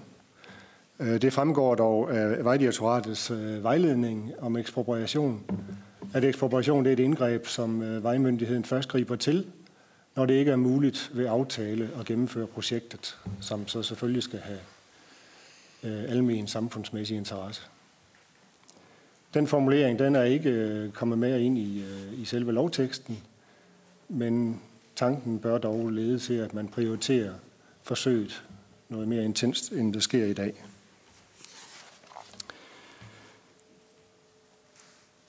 Det der, det er øh, en proces i forbindelse med en frivillig forhandling. Øh, meget ofte i, i de her rettighedserhvervelser, der giver borgerne udtryk for, at øh, der mangler information Og i forbindelse med revisionen af lovgivningen, så bør man lytte til det klagepunkt, uagtet hvor svært det ene er at opfylde. Som landsinspektør så har vi gode erfaringer med brugen af frivillige aftaler i forbindelse med forskellige anlæg. Og det skal ikke øh, på trods af titlen på, på det her oplæg, jeg holder nu, forstås som en afløser for ekspropriation, for det er det ikke. Det er blot en anden metode, der kan bruges med fordel i visse situationer. Om det at kalde det frivillig forhandling eller frivillig aftale, det er måske lidt en tilsnigelse, fordi alle ved jo, at, at i den sidste ende af det her, der kan, kan der være mulighed for en ekspropriation, hvis ikke aftalen opnås. Men ved den for slags forhandlinger, der er der en åbenlys fordel for, øh, for grundejeren ved, at der møder kun én person op øh, hos ham i hans hjem eller i hendes hjem, øh, og det gør det på et tidspunkt, som grundejeren selv har med til at bestemme, eller i vid omfang bestemmer. Og det første møde det afholdes så tidligt i øh, projektperioden, så der er reelle muligheder for at kunne øh, tilpasse øh, projektet til de forhold, som grundejeren finder problematiske. Eller man kan muligvis afhjælpe ulempen på anden vis. Øh, afhængig af projektets omfang og grundejernes indstilling, så afholdes der normalt øh, to eller flere møder i de her samtaler, der fungerer øh, vi som landinspektør eller andre øh, forhandlere som en slags lynafleder mellem grundejeren og myndigheden. Øh, og der opstår som regel et tillidsforhold, hvor, hvor grundejerens ønsker øh, forsøges løst, eller i hvert fald efterkommet, så vidt det kunne lade sig gøre, og man håber på, at, øh, at grundejeren opnår en større forståelse for projektet. Og en stor del af opgaven er naturligvis også at oplyse grundejeren om de øh, rettigheder og, og de muligheder, som han har i situationen, eller hun har i situationen. Og gennem den tid, som møderækken varer, afhængig af hvor mange det nu er, så vender grundejeren sig mere og mere til tanken om den påtvungne situation, som anlægget jo typisk er. Øh, tidligt i forløbet, der præsenteres grundejeren, nu taler jeg frivillig aftalen, der præsenteres de for de dokumenter, der skal accepteres i den sidste ende. Øh, og dokumenterne de kan så efterfølgende læses i ro og mag, når vi har forladt stedet. Og man kan rådføre sig med familiemedlemmer, og på efterfølgende møder kan man så få uddybet de spørgsmål, som dokumenterne må have givet. Ved det første møde, der får øh, grundejeren øh, vores visitkort, og dermed har de også en kontaktperson. Og vi oplever at blive kontaktet både før, under efter og lang tid efter øh, projekt er udført, om forhold, der er opstået, og som vi så prøver på at løse, eller i hvert fald at give et svar på. Det betyder utrolig meget for grundejerne, at der er sådan en person, øh, som de kender, og som de altid kan henvende sig til. Øh, den her type øh, forhandling eller orientering, øh, det er der efterhånden nogle kommuner, der bruger, og for eksempel Energinet øh, bruger helst øh, den metode til deres ting. Og deroppe kan man se, at øh, den øh, rettighedserhvervelsen, eller forstå, den, øh, den frivillige proces, den starter med en politisk beslutning, og så afhængig af, hvor stor anlægget er, så kan man gå til et borgermøde, eller man kan gå direkte til den frivillige forhandling en til en. Og der er så nogle møder der, og det håber vi jo så på, det afslutter med, en, øh, vi indgår en aftale om de tekniske ting. Hvis vi gør det, så går vi direkte videre til øh, erstatningsforholdet og økonomien i det. Og hvis det også er et ja tak til det, så går vi op til panthaver, og så går vi til udbetaling, anlægsarbejde og registrering i matriklen og i tingbog osv. Hvis ikke det lykkes, så går vi jo til ekspropriation med aftalen. Og hvis ikke det lykkes med, med øko, den økonomiske del, så har vi også kun muligheden at gå til ekspropriation i dag. Og panthaven, det har jeg aldrig prøvet, men panthaven har også en teoretisk mulighed for at sige nej. Og der går vi så også til ekspropriation. Hvis vi øh, snakker om et anlæg, som der besluttet skal gennemføres ved ekspropriation med det samme, så kan man sætte den samme type øh, samtaler ind øh, imellem den politiske beslutning er taget om, at anlægget skal ske, og at der, man ligesom går i gang med processen ved at indvarsle folk, sådan så man kan gå ud og formidle stemningen lidt tidligt i processen. Det her det er processen for en kommunal proces, men, men det kunne være statslig også. Øh, den metode der, den bruger øh, Band Danmark og Vejdirektoratet ret meget tid på også, at de går ud og taler med folk, inden det går løs. Men træerne de går ikke ind i himlen, og det er ikke alle øh, forhandlinger, der lykkes. Og vi oplever jævnligt, at en grundejer, på trods af, at vi ellers har haft nogle positive forhandlinger, vi er enige om den tekniske del, men at aftalen falder på grund af erstatningsstørrelse.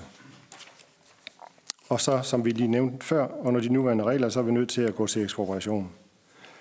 Og det er jo desværre velvidende, at vi så mødes efter et par måneder eller tre, for at blive enige om, at vi er uenige.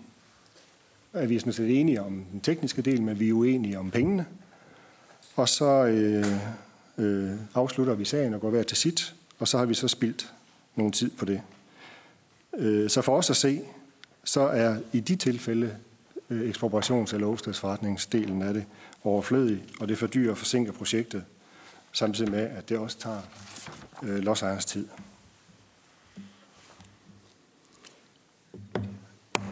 Øhm.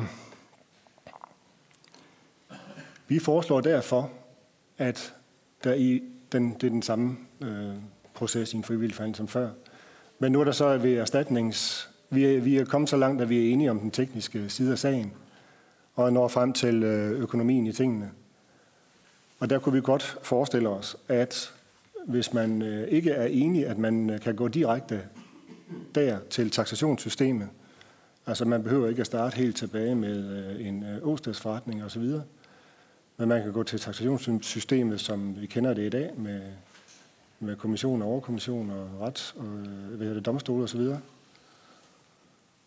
Og øh, det samme kan man sådan set sige øh, med, med panthaverne, hvis det er dem, der modsætter sig, så kan de også øh, foranledige, at man går direkte til taxation.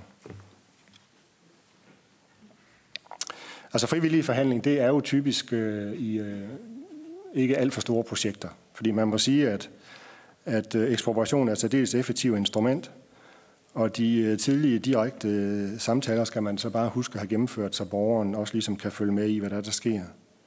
Og vi mener også, at det bør prioriteres i lovgivningen, at man ligesom har en øget information, inden det bryder løs.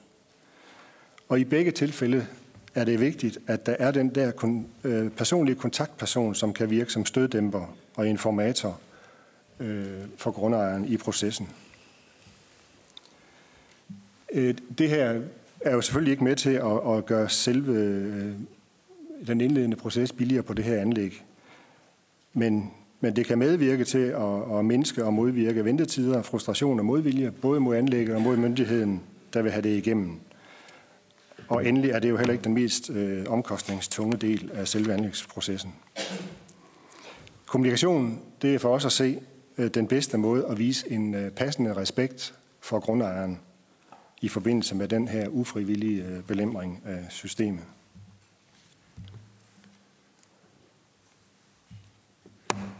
Et, øh, et andet punkt, øh, eller det sidste punkt, vi har, det er, at øh, vi vil gerne vil have lettere adgang til taxationsafgørelser, eller det vil vi foreslå, at vi får.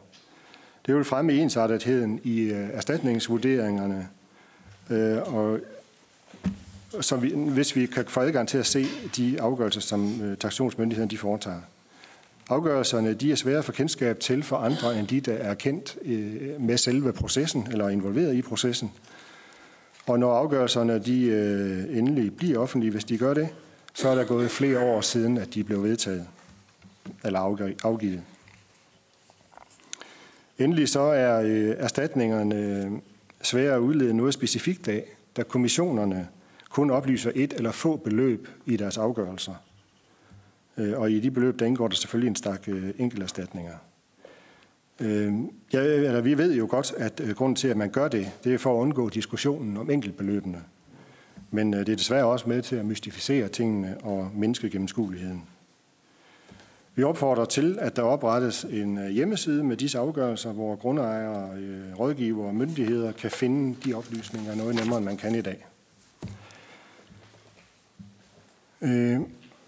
Vi har hørt, at, øh, at grund til, at der ikke findes sådan en offentliggørelse, det skyldes, at der ikke er ressourcer til det. Så det konkrete forslag til det, det vil være, at man laver en abonnementsordning på linje med de øh, lovsamlinger, som vi alligevel anvender i dag. Altså den åbenhed eller den lethed til, ad, til informationen, den vil utvivlsomt øh, gavne øh, den tvivl, der ofte bliver luftet om, hvorvidt øh, kommunerne øh, er i stand til at give en færre og ensartet øh, behandling af grundejeren ved ekspropriationen for så vidt angår den erstatningsmæssige side af sagen. Med hensyn til fagligheden i den kommunale proces, der er det nu min opfattelse, at hvis ikke kommunen selv er i stand til øh, at gøre det, fordi de ikke gør det så tit, så hyrer de typisk øh, assistance fra rådgivere, som, øh, som som regel er de samme rådgivere, som assisterer i statslige ekspropriationer. Øh, så når der er blevet udført kommunale ekspropriationer, så er det som regel også med folk, som laver den slags ting til dagligt. Til sidst vil jeg lige opsummere tankerne, og det drejer sig om den der grundejerkontakt. Tidlig information, flere møder, gentagende forklaringer, det giver bedre forståelse hos grundejeren. Øh, den tidlige kontakt, den giver også øh, en øh, bedre tilvinding til, at der kommer den der ændring for dem. Og igen giver den tidlige kontakt mulighed for, at man kan komme ind og afhjælpe de ulemper, som grundejeren måtte mene, der er i processen, eller lave de tilretninger, som han måtte mene, hun måtte mene. Endelig er det vigtigt, at øh, med den der personlige en-til-en relation, det er vigtigt, at det er den samme kontaktperson igennem hele processen, og den kontaktperson er også den, der kan give individuel rådgivning øh, til grundejeren under forløbet. Alt sammen skal det være med til at mindske modstanden og modvilje mod anlægget og mod myndigheden, der forestår det. Det andet punkt, det var frivillig aftale, at man kan gå derfra direkte til taxationsmyndighederne, og det vil medvirke til at reducere omkostninger og modvirke ventetid. Til sidst en øh, større eller lettere adgang til taxationsafgørelser. Det vil give ensartethed ned igennem systemet. Jeg håber, I kan bruge det til noget i det kommende arbejde.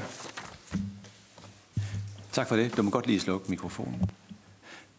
Yes, det var et meget klare øh, forslag. Der er et opklarende spørgsmål fra Hans Christian Schmidt.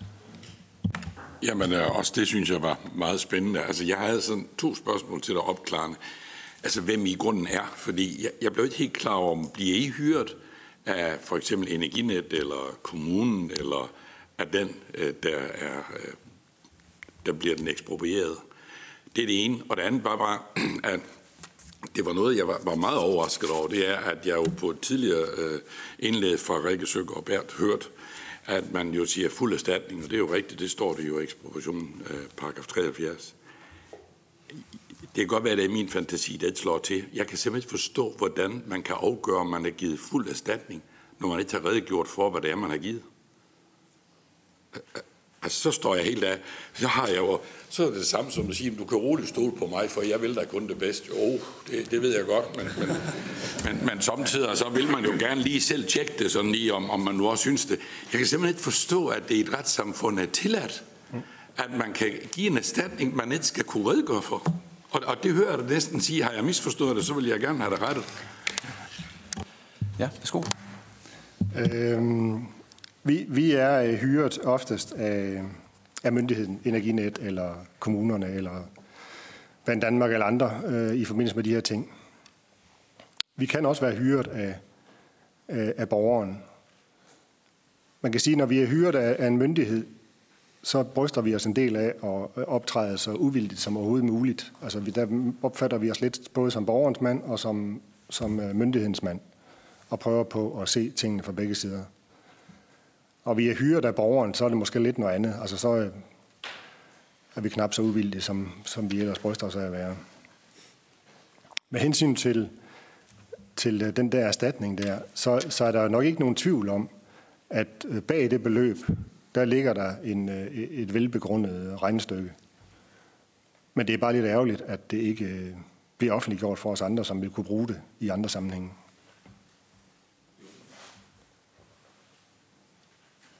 Prøv lige at slukke en gang. Sådan, så får Hans Christian lige lov til at stille spørgsmål igen. Men er det lovmedholdeligt? at man kan give en erstatning, man ikke skal forklare for. Det lyder jo som et slaraffenland. Tænk, at man kan bare udmåle et eller andet, og så kan man slutte af med, hvis nogen siger, det er jo egentlig, nej, men du kan roligt regne med mig. Altså, det, jeg har fundet det rigtige tal. Det er jo lidt en nyskabelse, hvis, hvis jeg er helt overrasket i det. der. Det er virkelig, at, at, at du fortæller mig, at, at, at det kan man bare gøre. Det, det må være enormt at være myndighed. Altså, at man ikke behøver overhovedet at skal forklare, hvorfor man gør noget. Ja, okay, men jeg tager dine ord for det. Jeg, jeg tror, der er andre, der kan forklare det øh, bedre end mig. Jeg, der er helt sikkert øh, en begrundelse for de afgørelser, der bliver gjort. Det vil bare være rart, hvis, hvis de bliver belyst øh, mere, end de gør lige nu. Jeg tror, vi skal vente med debatten, Hans Nå, men det var ikke det, men bare så ikke bliver misforstået. Jeg har altså ikke sagt, at der ikke ligger noget til grund for erstatning. Det er ikke det, jeg mente. Det er jo kun offentliggørelse. Det kan vi nok nå frem til en diskussion om senere også. Nu vil jeg gerne have lov til at sige tak til, til dig, øh, Prem Løse, og give ord til Jan Skjødt Petersen, som er formand for Danske Boligadvokater. Værsgo. Ja, tak. Jeg skal lige bede om øh, fjernstyringen der. Tak. Den skal lige op på et dia-show, tror jeg. Ja. Øh, jeg er formand for Danske Boligadvokater, med den egenskab gerne takke udvalget for invitationen til at komme med oplæg her i dag. Øh, vi er danske boligadvokater, 150 øh, advokater og advokatfirmaer landet over, som beskæftiger os med øh, rådgivning omkring øh, typiske ejerbolighandler og regulering af fast ejendom i forbindelse med ejerboliger. Det er jo sådan kernepunktet for det, vi beskæftiger os med. Og når øh, jeg er inviteret her i dag, så tror jeg, det er for at formidle vores klienters oplevelse af, hvordan det er at støde på en ekspropriation. Øhm, måske mere frem for, at det var borgere, som egentlig under det her tema kunne have siddet her og fortalt om deres, om deres sager. Jeg skal prøve at sammenfatte lidt af, hvordan vi oplever, at øh, borgerne har det med ekspropriationsprocessen.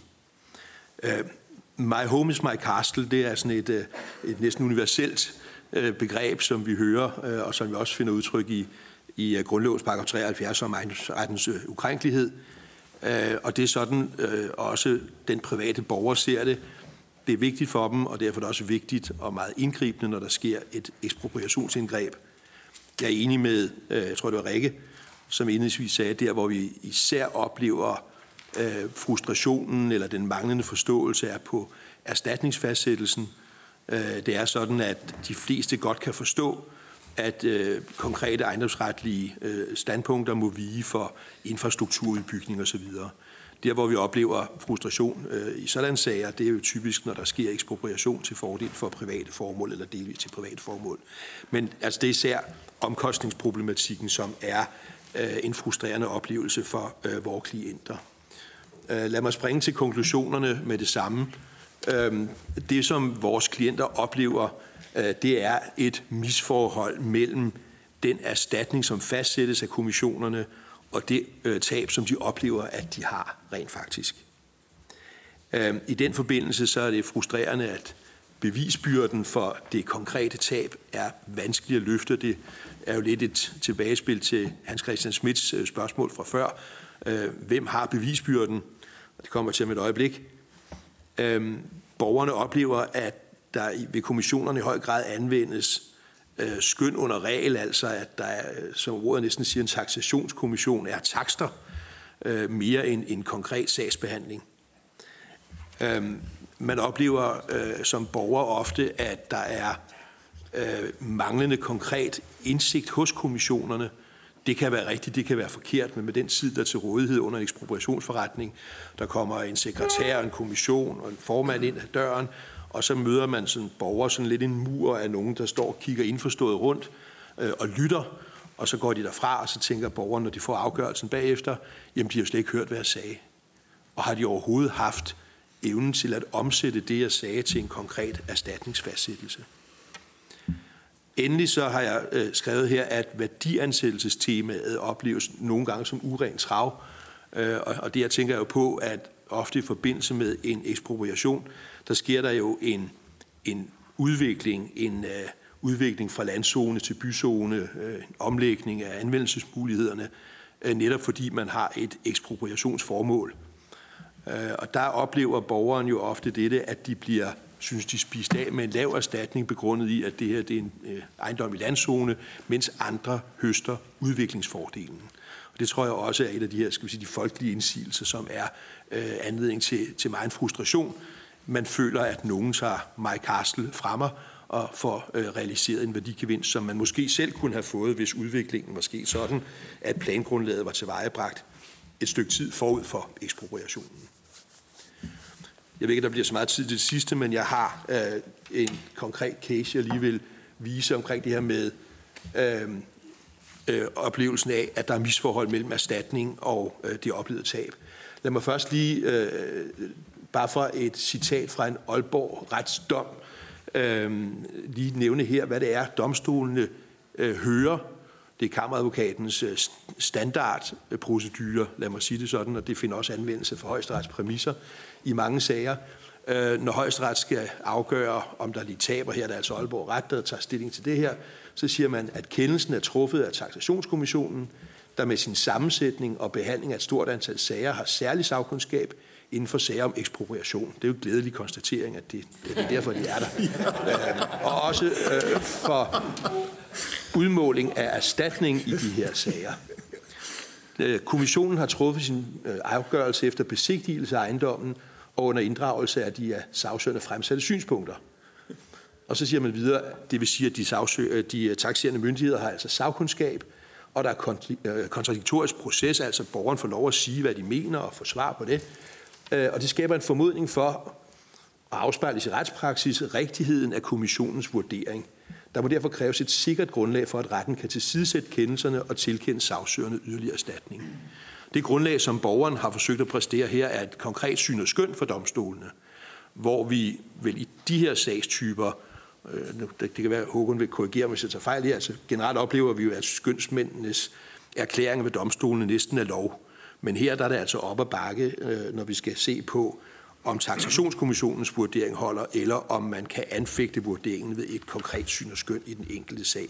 Det er næsten håbløst øh, efter de erfaringer, vi gør os. Derfor går man heller ikke til domstolene med en række sager, øh, som jeg kan øh, tage herfra en case om elektrificering af banen ned mod Ringsted, og hvor øh, øh, ekspropriationskommissionen jo kommer ud. Øh, det er Bane Danmark, der skal øh, have udvidet øh, banelæmet, og der vil man så pålægge servitutter. Det er jo ikke altid øh, ekspropriation med ejendomsret, men, men, men med en servitut, der pålægges. Og her der siger man, at vi skal have en rådighedsindskrænkning, man skal pålægge ejeren, at ejeren skal sørge for at beskære fældtræer øh, og bevoksning, som er mindre end 10 meter fra spormidten, og der må ikke finde nyopført øh, bygninger sted nærmere end 10 meter fra spormidten. Den her øh, case den medfører, at mere end tre fjerdedele af den her ejerbolig bliver omfattet af servituten. Man har til øh, ekspropriationsforretningen vurdering med fra ejendomsmæleren, som viser, at øh, man anser, at ejendomsværdi vil falde med 200.000 kroner som følge af det her pålæg. Man siger videre, at der jo øh, kommer indbliksgener på grund af, at man ikke må have sin øh, vegetation, og der bliver øget støjgener, fordi man ikke kan skærme af fra de, øh, den støj, der kommer fra banelæmet. Øh, man har øh, været hos en plantekonsulent, som siger, at det her øh, det koster, øh, når man skal retablere og forsøge at gøre haven udnyttelig igen, så koster det 64.000 øh, til plantning af nye træer og buske, og så synes man, at et raftehegn, som kan skærme mod støjen ind mod øh, og, ind, og indkigget fra banen, det koster øh, 60.000 øh, kroner, og derfor rejser man et samlet krav på 324.000 kroner. Hvad siger... Øh, er det pause nu, siden den ikke vil hoppe? Der. Hvad siger kommissionen? De siger, at vi fastsætter en øh, erstatning på 10.000 kroner for pålæg af servituten. Det er en standarderstatning, siger, øh, øh, siger øh, kommissionen, og henviser til mange år i praksis.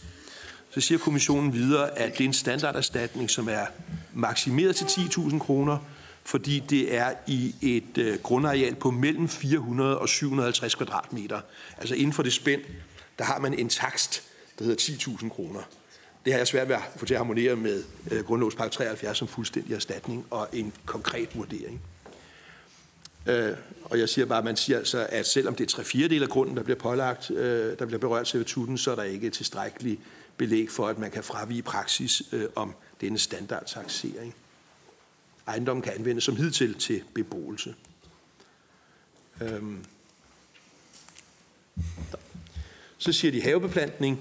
Det her det er øh, en, en, en, en øh, familie, som øh, har en meget velanlagt have. Øh, husbunden er kantinebestyrer og i strid med alt muligt øh, fødevarerelativer formentlig, så øh, bruger han jo blommer, og jeg ved ikke hvad, til marmeladen i kantinen.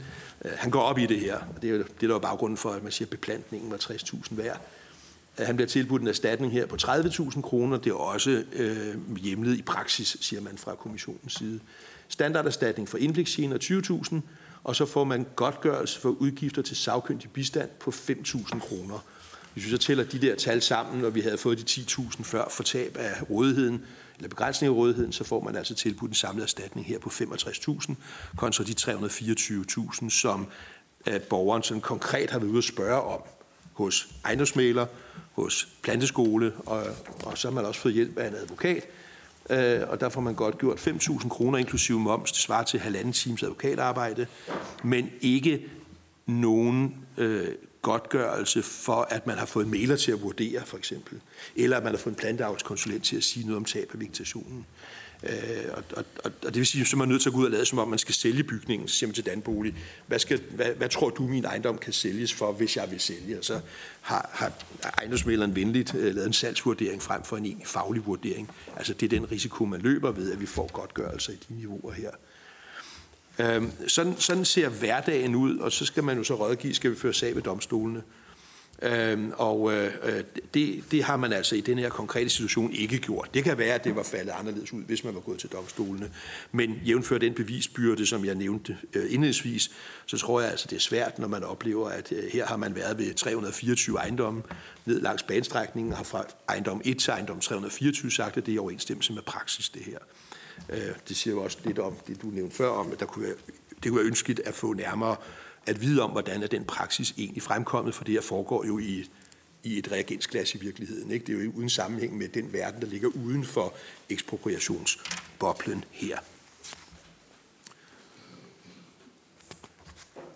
Ja, øh, jeg sagde noget om, at øh, værdiansættelsestemaet også bliver opfattet eller oplevet som øh, uren trav i den forstand, at man altså, når man øh, og, og det har jo igen bæring i, i, i, i praksis, øh, at når man øh, eksproprierer i forbindelse med byudvikling, så får man en erstatning i forhold til den status, som ejendommen havde forud for byplanlægningen eller lokalplanlægningen, dog med en skelen til en vis forventningsværdi. Øh, Vesterlandsretsdom her øh, siger noget om, at øh, som ren landzonejord er det 20 kroner per kvadratmeter, men hvis forventningsværdi er det 40 kroner per kvadratmeter, og skønsmanden sagde i den her sag 100 kroner per kvadratmeter, hvis man ligesom så konkret på, hvad ville man have høstet af fordel, hvis det var lagt ind øh, og handlet efter byplansvedtagelsen. Der får man altså kun de 40 i, i, i den sag her. Øh, og det var sådan lige den sidste øh, lille krølle ekstra, jeg siger, det, det tror jeg virkelig er et problem, man bør være meget opmærksom på. Tak for ordet. Tak for det. Jeg var lige ved at skulle sige, at vi var ved at nå til pausen, så det passede rigtig godt. Jeg skal lige høre, om der er spørgsmål herovre. Det er fra Mariette D. Larsen. Værsgo. Det var bare lige meget kort. Den, øh, fra domstolen, der, skrev, der blev sagt, at de var ude at besigtige ejendommen. Det skal jeg bare lige være sikker på. Er de ude at besigtige ejendommen fysisk, øh, når de er rundt og laver de her? Øhm, tænker du domstolsprøvelse? Den her sag kommer ikke til domstolene. Ja, kommissionen kommer, ja, ja, øh, det, ja det kommer ikke, der kommer hele, hele koret, med så at sige, med protokoller det, ja. Mm. Det er godt. Hans Christian Schmidt? Ja, altså, jeg vil bare spørge, om du enten nu eller senere vil prøve at, at give et bud på, fordi at for mig lyder det meget bekymrende, at man ikke har en bedre indsigt i noget, man skal udbetale erstatning til, set i lyset af de spørgsmål, vi havde lige før. Hvis ikke jeg var bekymret før, så er der blevet det nu i hvert fald. Altså, så, så jeg vil bare spørge, om du har en, øh, et bud på, hvad man kunne gøre, eller om du senere vil eftersende det til os et bud på, hvordan man kunne gøre. Ja, værsgo. Jeg vil altid gerne eftersende et bud på, hvordan man kan gøre. Øhm, øh, øh, der er forskellige aspekter af det her, men, men øh, øh, altså det, jeg tror, at taxationskommissionerne øh, at deres tilblivelseshistorie i høj grad hviler på det her synspunkt om, at der skal være sådan en slags lægmands islet. Man tager jo medlemmer fra, øh, fra kommunalpolitikernes lister osv., så, videre, så siger man så, øh, står i vejloven og i procesloven også, at øh, de skal have en indsigt i ejendomsvurdering. Øh, jeg, jeg er ikke helt sikker på, hvor, hvor, hvor god den indsigt er. Det må jeg sige rent ud som den ene del. Altså, hvordan styrker man det faglige islet, øh, og hvordan får man sikret, at der sker en konkret vurdering fra sag til sag, så man ikke oplever den her skøn under regelagtige ting, som det her jo er. Der er jo afsat fem minutter til hver ejendom øh, til at få fastlagt det her. Øh, og det kunne godt tænkes, at, at man processuelt skal have løsrevet øh, Øh, det her, så man får det i en nævnsbehandling eller en særdomstol, som Frederik Våge er inde på. Øh, det, det, det er i hvert fald en mulighed. Øh, og den anden del er jo altså, hvordan pokker får man påvirket domstolene til, på samme måde som man kan i andre sager lægge vægt på, øh, de sagkyndiges konkrete vurderinger for domstolene. Det, det, det synes jeg er problematisk, men jeg skal ikke angribe domstolene for ikke at dømme efter gældende ret. Øh, det er jo et spørgsmål, hvilke rammer man sætter op for domstolene. Øh, den sidste ting, jeg måske lige så skynder mig lige at tage, tage øh, og bruge andet til lige at sige, øh, omkostningsgodtgørelsen er jo, er jo også, altså når man siger i øh, vurderingen af, hvem har bevisbyrden, og er den løftet, så siger man, at det er en kontradiktorisk proces. Borgeren har mulighed for at øh, svare for sig men man får 4.000 kroner til advokathjælp og til sagkyndig bistand, til plantekonsulent og til ejendomsmæler. Det er jo øh, øh, ikke equality of arms, man har med at gøre her. Øh, der skal jo helt andre boller på suppen. Så et institut om omkostningsgodtgørelse, som i skattesager, som vi har hørt foreslået her, eller ved skilforretninger, hvor man, når man beder om en skilforretning efter udstykningsloven, så har borgeren retshjælpsdækning. Øh, det er jo så forsikringsbranchen, der giver det sådan sager. Det vil sige, at ganske, ganske store omkostninger kan man få dækket under retshjælpsordningen mens man her, fordi det er øh, et, øh, en forvaltningsproces, så får man ikke retshjælpsdækning og skal altså betale den her del af festen for egen regning. Det er også et problem, som man kunne forsøge, altså man kunne styrke borgerens muligheder øh, i processen ved at give omkostningsdækning. Tusind tak for det. Så øh, vi holder faktisk en rigtig fin øh, tid her. Vi har en kaffepause nu, og så vender vi tilbage og starter her igen kvart i 11 hvor vi skal høre fire spændende indlæg øh, om helt konkrete sager. Og så efter det, så er der mulighed for øh, åbning for debat og, og spørgsmål. Så vi ses her kvart i 11. Yes. Godt, så er vi blevet samlet igen og kan gå videre til vores øh, tredje tema i dag, der handler om erfaringer ude fra virkeligheden omkring øh, eller med ekspropriation. Og øh, den første, jeg skal give ord til, det er Hans Otto Sørensen, som er planteavnskonsulent. Værsgo, ordet dit. Du skal lige tænde på mikrofonen. Jamen, øh, tak for det, og tak fordi jeg måtte komme her og sige noget i dag. Det har jeg glædet mig rigtig meget til, og jeg har glædet mig rigtig meget til at fortælle jer, hvordan jeg blev kørt over af toget. Øh, det her det er så godt nok Arriva, kan I se, men det foregår jo i hvert fald øh, på Bane Danmarks anlæg. Og øh, nu skal jeg se, om jeg kan finde ud af det her også. Det kunne jeg også. Så jeg vil fortælle lidt om, hvordan jeg oplevede mit eget møde med kommissariet for statens ekspropriation i Jylland, som det hedder. Men jeg kan desuden godt sige, at jeg udover det her har medvirket ved 12 andre øh, ekspropriationer, eller i 12 situationer i hvert fald, seks andre ekspropriationer, men 12 situationer, langs med øh, banen mellem Bramminge og Tønder. Og øh, det er min egen personlige indtryk, jeg vil komme med. Og øh, hvis jeg her under mødet her skulle komme til at træde nogen over tæerne, eller træde på nogle ligetårne, så vil jeg gerne sige, at det er ikke utilsigtet. øh, så er der heller ikke noget at gøre ved det. Men øh, en lille smule om mig selv. Uh, jeg er uh, for det første landmand i det sønderjyske, med et mellemstort landbrug, hvor vi har nogle kartofler, noget raps og noget korn, og vi har noget halm, og vi modtager noget kompost fra byerne, og vi har fået noget naturgødning fra biogasanlæggene. Vi kører gødning til markerne, og øh, vi laver også lidt markarbejde for andre. Og øh, det giver i hvert fald en masse landbrugstrafik til og fra min ejendom. Med traktorer, majetasker og gyllevogne osv. Derudover så har jeg sammen med 220 danske landmænd et andelsselskab, der arbejder i halmbranchen, og øh, hvor jeg er direktør, og øh, hvor vi har kontor hjemme på min ejendom. Og min ejendom, den øh, ligger øh, meget tæt på den her overkørsel, som I kan se her, og øh, det er det, det hele handler om, øh, hvordan jeg oplevede, at øh, man ville lukke overkørslen. Det stammer helt tilbage fra, at man i 2009 her i Folketinget vedtager, at man vil sikre en række overkørsler af hensyn til lokomotivførernes øh, psykiske arbejdsmiljø. Nu kommer det til at gå ud over vores psykiske arbejdsmiljø, det vil jeg så til at fortælle jer en lille smule om her. Øh, men en dag i juli 2016, der får vi en indvarsling til en øh, høring og en besigtigelse øh, omkring lukningen af vores overkørsel. Og øh, der sker der det, at øh, Band Danmark og et landinspektørfirma kommer på søg. Der er mange lokale beboere, der er mødt frem, og kommunen er mødt frem. Og øh, vi øh, fremfører mange forskellige gode argumenter for, hvorfor vi mener, at man ikke skal lukke den her overkørsel, men i stedet, der er jo allerede, som I kunne se, blinklys, man alene skulle købe et par plastikbomme øh, og sætte op en på hver side, som så rendte op og ned, samtidig med at blinklysene fungerede. Det synes vi jo egentlig ikke kunne være særlig svært, og det kunne heller ikke være særlig omkostningstungt, mente vi. Vi blev hurtigt klogere. Men øh, vi anførte i hvert fald lange argumenter for, hvorfor man skulle lade være med at lukke den. Blandt andet, at en lukning vil medføre store omveje, og at en del landbrugstrafik vil blive ledt ud på hovedvej A11, med alt, hvad det er til føre, altså større risiko for ulykker.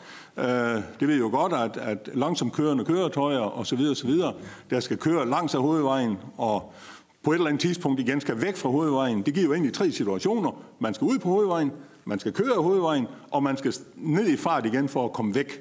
Alle tre situationer giver nogle risiko for øh, ulykker. Det fremførte vi de argumenter over for øh, Band Danmark og for landinspektørfirmaet, der var med. Og øh, de lavede også et referat, men da det senere kom, øh, så troede jeg ikke, vi havde været til samme begivenhed. Det skal jeg ærligt sige. Altså, øh, det var meget, meget, meget svært for os at genkende, at det var her, vi havde stået og snakket om øh, de her ting. Så, øh, så sker der så det, at øh, så kommer jo et brev fra kommissarius, ekspropriationskommissionen, der indkalder til en besigtigelse og et møde om en mulig ekspropriation. Igen møder rigtig mange frem. Det er en sag, der berører os virkelig meget i lokalområdet. Det berører også Tønder Kommune. Det berører også den øh, nye distriktsskole, der skal bygges i Skærbæk. Det berører skolevejen. Og derfor kommer der en, en lang række indlæg, og jeg skal da også ærligt om, jeg holder også et langt indlæg med en øh, god argumentation for, hvorfor vi synes, at man skal opgradere overkørslen i stedet for at lukke den. Men øh, det bliver meget tydeligt for mig, meget hurtigt tydeligt for mig endda, at øh, kommissionens formand øh, meget hurtigt mister interessen for det, der foregår, og efterhånden som argumentationen skrider fremad, og flere igen øh, kommer med de samme synspunkter i forskellige sager, øh, så, så synes man, at man behøver ikke at gentage det samme synspunkt, selvom det er en anden en, der fremlægger, eller en anden sag, der bliver fremlagt. Og øh, det er meget tydeligt, at man bliver irriteret. Bane Danmark har et langt indlæg, og øh, under det indlæg, øh, der vil jeg gerne tillade mig at sige, at de kommer med adskillige påstande, som ligger, for ikke at bruge et for stærkt ord, meget langt fra virkeligheden. Øh, og øh, det fører, at ingen medlemmer i ekspropriationen stiller nogle spørgsmål egentlig. Det er kun formanden, der siger noget, og der bliver ikke stillet kritiske spørgsmål, hverken til os eller til Bane Danmark. Øh, kommissionen udskyder så en afgørelse, og øh, indtil tre forhold senere bliver afklaret. Men øh, de to bliver aldrig afklaret. Det ene bliver, men de to andre bliver det aldrig. Kommissionen træffer så alligevel en afgørelse. Ja, så kommer hjem, så kan jeg alligevel lade være med at se på, hvem var det egentlig, du mødte? Hvem var det, der kørte dig ned? Uh, det var faktisk den her, jeg skulle have frem før. Ja. Hvem var det egentlig, der kørte dig ned uh, under det her møde her? Og uh, der må jeg så sige, at når jeg kigger på uh, kommissionens sammensætning, så er det en, uh, skal ikke snakke ned, men altså, det var en meget veltalende jurist som formand. Og øh, så er der fire menige medlemmer. Det sjove er, at de har alle sammen samme profession. Det er jo mærkeligt. De har næsten alle sammen øh, samme alder, og de var noget ældre end mig. Så det vil sige, at det var ikke kun det grå hår, der var fremme, det var noget mere end det. Øh, de var nemlig alle sammen forhandværende. Forhandværende et eller andet. Den der vi lige stået lidt. Der kommer nogen og skal afgøre en sag i den virkelige verden, men de er alle sammen forhandværende. Der er to forhandværende borgmestre, en forhandværende godsejer og en forhandværende tømmermester, så vidt jeg lige kan huske. Alle er ude af cirkulation. Ingen har længere til sydenland et aktuelt forhold til virkeligheden. Ingen af dem udviser øvrigt nogen aktivitet under møderne. Og, og det virker meget i forlængelse af, af Sjøt Petersens indlæg, der bliver ikke tilkaldt savkyndig bistand. Man tilkalder ikke en ejendomsmaler eller en økonomikonsulent eller hvad ved jeg. Der kunne være mange, der kunne have på en eller anden måde øh, kommet med, med, med nogle gode indlæg. Så øh, I kan se to, der er ved at køre for os. Men vi giver os ikke helt så let, så vi spørger blandt andet politiet. Hvad siger I til det her, at man vil lukke den her overkørsel og lede meget mere trafik ud på hovedvejen? Og øh, politiet sender en af deres tungeste eksperter, nemlig en, der hedder Jan Schmidt, som er deres ekspert i tung trafik. Og han skriver et brev, det vil sige, det var ovenikøbet underskrevet af ledelsen i Syd- og Sønderjyllands politi, at politiet kan ikke anbefale en lukning. Bande Danmark, de øh, spræller vildt og inderligt. Så de uh, går til politiet. Men politiet fastholder, dette. Men øh, så vil jeg gerne sige, at så har vi indtryk af, at Bane Danmark de manipulerer simpelthen det overordnede politi og vejdirektoratet, sådan at man underkender dem, der har det lokale og professionelle kendskab til sagen. Øh, det øh, synes vi i hvert fald, at øh, det er øh, noget, som, som er meget specielt i hvert fald, at når det lokale politi med deres lokale sagkendskab, de mest professionelle folk, man kan finde i Danmark på det her område, bliver underkendt fra oven. Det forstår jeg ganske enkelt ikke. Men uh, hvad siger Tønder Kommune? Tønder Kommune er også uh, jo meget involveret i det. Og de undtaler gentagende gange, at de er meget stærkt imod en lukning. De snakker om øh, trafikforholdene på A11, der ovenikøbet står for en opgradering. De synes jo, det virker helt mærkeligt, at man nu lægger en masse landbrugstrafik ud på hovedvejen, samtidig med, at man opgraderer hovedvej 11 til en højhastighedsrute. De anholder også, at Bane Danmark henviser en del trafik nu til en privat fællesvej, der ovenikøbet er en grusvej, hvor der kun er to adgangsberettigede. Men det er man fuldstændig ligeglad med. Og øh, de snakker om skolevejen, og de snakker om økonomien i det lokalsamfundet. Og øh, det fører blandt andet til, at øh, Tønder Kommune er øh, i foretræde her i udvalget, sammen med mig i øvrigt, og hvor vi i øvrigt blev taget meget venligt imod, øhm, og man lyttede meget pænt til os. Nå, nu kommer jeg for langt frem, så kan jeg vel gå nummer tilbage igen. Ja. Så kommer selve ekspropriationsforretningen den 19. april 2018. Jeg vil gerne sige, at det var en meget deprimerende oplevelse. Øhm, det er de samme forhandværende mennesker, der kommer, sammen med juristen, der er ingen specialister med, der kan vurdere øh, tingene, der kan vurdere konsekvenserne. Bane Danmark forelægger igen projektet fuldstændig uændret. De har end ikke rettet helt oplagte fejl. Og ingen i kommissionen siger noget. Der er mange lokale berørte beboere til stede, og Tønder Kommune til stede, men dybest set affærdiges alle med et, med et skuldertræk af formanden og en meget tavs kommission. Jeg er alene. Jeg er den eneste, der reelt får lov til at fremføre noget, og det gør jeg fordi, eller jeg får lov til det, fordi jeg skal afgive nogle 100 kvadratmeter til en vendeplads, som man partout vil etablere nede ved den lukkede overskæring. Hvad den skal gå godt for, det aner jeg ikke. Men det siger, at hvis det er en, en, en, en polsk glasbil eller en dansk glasbil, der skulle være forvildet sig derned så skal han ikke bakke 100 meter tilbage igen, som man nemt kan. Nej, der skal anlægges en stor vendeplads, så en lastbil med anhænger kan vende. Oven i vi vil de anlægge den midt ind i en stor mark, midt ind i marken, øh, hvor de lige så godt kunne anlægge den i en trekant på den modsatte side. Det lykkedes så dog. Det var så det eneste sted, jeg kom igennem med noget, at de dog lagde den på den anden side. Men øh, jeg havde så medbragt nogle professionelle vurderinger. Vi kommer til at køre 5.000 km ekstra hvert år på landevejen med vores traktor og vogn og gyldevogn osv. Vores ejendom øh, vil, og, og det har jeg haft en ekspert til at vurdere, hvad vil det koste per år? 100.000 kroner, siger han, hvert år i al fremtid. Det er ikke kun i år jo, eller næste år. Det er hvert år. Så kan man jo gange med et eller andet antal, antal år, ikke? men det kan man jo regne tilbage til nutidens penge. Jeg har fået to ejendomsmalere, som er helt uafhængige af mig fra EDC Landbrug til at vurdere det. De siger, at en, en lukning vil forringe min ejendomsværdi med 3,1 million. Efter en ganske kort vurdering kommer kendelsen. Alle argumenter fra bordet. Overkørslen skal lukkes. Jeg kaldes en formidabel erstatning på 7.950 kroner. Ja, 7.950 kroner. Og så er man ovenikøbt så generøs, at man giver mig 3.000 kroner til ekspertbistand. Jeg skal vel ikke fortælle for jer, hvad det kostede at få ekspertbistand, men det står jo slet ikke mål med det, øh, som man, øh, man får. Så havde jeg øh, Jyske Vestkystens journalist Uwe Iversen, han var på besøg samme dag, og inden kommissionen kom, så havde vi lige lavet sådan en demonstrationskørsel ikke en demonstration, men en demonstrationskørsel ned på Rødvejen, øh, for at illustrere, hvad sker der, når vi begynder at køre med vores traktor ned på vejen. Og nu ser I billederne her. Vi ligger og kører med traktoren, så kommer der en lastbil. Han har ikke tid til at vente, så han skal være forbi. Det er jo så, hvad det er. Det går jo nok. Der kommer en modkørende, kan I se. I er jo alle sammen bilister i. Prøv nu at se, hvad der nu sker. Og det her det er ikke noget konstrueret noget, det er en rent tilfældig situation. Kommer der en personbil bagved? Ikke? Kun fordi ham, der kører i, i uh, den traktor der, han bremser hårdt ned, og den modkørende bilist bremser hårdt ned, så får vi ikke nogen billeder af en frontal øh, kollision. Ikke? Umiddelbart efter kendelsen, så anker jeg til øh, uh, overtaksationskommissionen.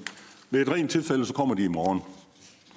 Ikke? Uh, Så det får vi se, hvad det er. Jeg vil forsøge at få ophævet kendelsen. Jeg ved godt, det måske vil være juridisk næsten umuligt, men lad os nu prøve at se. Fordi, og nu kommer vi til en lille efterskrift. Den 21. juni, det var at altså sige to måneder efter, at Provisionskommissionen var på besøg, der bliver forligskredsen enige med ministeren om, at øh, afgørelsen om lukningen udskydes til signalprogrammet er udrullet til midt i 20'erne. Jeg skriver med det samme til ekspropriationskommissionen om at få ophævet kendelsen. Det nægter de pure. På den her måde, så bliver jeg jo bragt i en fuldstændig urimelig situation. Alle og enhver ved, at når den bliver lukket, så bliver min ejendom 3,1 millioner mere, mindre værd. Jeg ved jo også godt, at jeg skal sælge min ejendom inden for en eller anden overskuelig fremtid. Det skal vi alle sammen, og min den er jo nok kortere end de fleste andres. Og jeg ved jo også, at jeg har en lojal opløsningspligt, når jeg skal sælge min ejendom. Det vil sige, at jeg skal fortælle enhver køber ejendommen, at den overkørsel derhen, som du har langt over 100 hektar jord liggende på den anden side, den bliver altså lukket. Så vil enhver køber jo også nedvurdere ejendommen i forhold til det. Så øh, det er altså en totalt urimelig situation, man har bragt os i her. Og øh, så når jeg nu her til sidst øh, ligesom skal konkludere, nu der toget er kørt, at øh, den kommission, jeg mødte, det var medlemmer, efter min bedste overbevisning, jeg siger det helt åbent og ærligt, medlemmer uden kompetencer. Vi fik i hvert fald ikke på noget tidspunkt demonstreret, at de var i besiddelse af nogen kompetencer. Man lyttede ikke. Det var det, vi hørte lige før. Øh, der var ingen afvejning af økonomiske forhold, hverken til os, til lokalbefolkningen, til kommunen, til skolebyggeriet, øh, til kassetænken. Der var ingen afvejning af trafikforholdene. Der blev ikke stillet nogen spørgsmål. Det var et klart hastværk under mødet. Og øh, så vil jeg også gerne sige, at jeg fik det indtryk, at kommissionen og Bane Danmark, de bagefter kunne sidde og spise frokost sammen. Man kunne også bruge et andet ord. Man fik det indtryk, at de var sammen spiste. Og øh, så vil jeg også gerne sige, at på den her måde, så ender vi jo derhen, at processen den tager alt, alt, alt for lang tid. Så øh, jeg kan kun tilslutte mig det, som jeg har hørt før. Der er meget stærkt behov for, at man får kigget på de her regler. Både den måde, det foregår på, den måde, sammensætning, som kommissionen har, og også, hvad kan man egentlig udmåle i erstatning, og hvordan udmåler man erstatningen. Jeg var med i en anden sag, hvor en landmand øh, får fuldstændig frataget sin overgang, og der udmåler man erstatningen med et centimetermål, og så gange nogle hektar. Man tog overhovedet ikke hensyn til, hvilken driftsform han havde, eller noget som helst. Tak for det. Tusind tak for det. Hvis man øh, regner rigtig meget efter, du må godt lige slukke øh, mikrofonen, Hans også. Ja. Hvis man regner rigtig godt efter, så kan man regne ud, at vi har vi har fire indlæg, som skal være klaret på, øh, ja, nu har du brugt godt og vel et kvarter, så kan I jo regne ud, hvor meget der bliver til den sidste. Det er jo egentlig der, at I tager hinandens tid. Jeg skal nok lade være med at være alt for skarp på klokken halv, men det er det, vi har sådan cirka har regnet med. Så I må godt... Øh, men der, der er jo mange ord i jer, det kan jeg jo godt høre, at der skal frem. Øh, og det er jo vigtigt, så det er ikke fordi, jeg på den måde vil begrænse jer, men jeg synes, at vi skal også, øh, vi skal vel gerne herfra igen kl. 12 i hvert fald, og hvis der skal være plads til et spørgsmål fra politikerne, og måske også fra tilhørende, så øh, må I godt være en lille smule hurtigere, end Hans også har været. Men det har jo været også rigtig interessant at høre din historie. Jeg skal lige høre, om der... Det er der ikke for politikerne. Der er ikke, dem tager vi bagefter, kan jeg høre. Godt. Så fortsætter vi med Per Christian Nielsen, der også er landinspektør over fra LIFA AS. Værsgo. Tak for det. Øh, jeg er blevet bedt om at beskrive en ekspropriation set med borgernes øjne. Øh, jeg har øh, fundet to sager frem, og jeg har snakket med de gode mennesker, der har været udsat for ekspropriation og fået lov til at fortælle deres historie. Der er en god og en mindre god oplevelse, hvilket får mig til at fremhæve, at noget så indgribende som en ekspropriation naturligvis opleves meget forskelligt, alt efter hvem vi er som mennesker. Det skal nævnes, at formålet med de kommende eksempler ikke er at hænge hverken borgere eller myndigheder ud. Formålet er at lære af hinandens erfaringer, gode og dårlige, og anvende disse erfaringer, når vi engang laver nye regler og processer. Den første sag handler om en jernbane, en ny bro og en vej, der skal omlægges. Vi skal til øh, Brejning, lidt sydøst for Vejle, øh, der bliver aktuelt med Folketingets vedtagelse af Togfonden, primo 2014. Der blev i gang sat et større projekteringsarbejde for etablering af en ny jernbanebro tværs over Vejle Fjord. I efteråret 2014 blev indkaldt til borgermøder med fokus på at orientere om processen. Efteråret 2015 endnu et orienteringsmøde og fremlæggelse af mulige linjeføringer samt oplyse om, hvor langt projektet var kommet. Den 9. januar, en central dato, øh, blev VVM-redegørelsen fremlagt på et borgermøde. Lars og Mette, de boede på den ejendom. De deltog i alle borgermøderne gennem hele processen, og havde også før fastlæggelsen af mulige linjeføringer overvejet at sælge huset, der inden for kort tid ville blive alt for stort for dem, fordi deres fire teenagebørn var ved at flytte.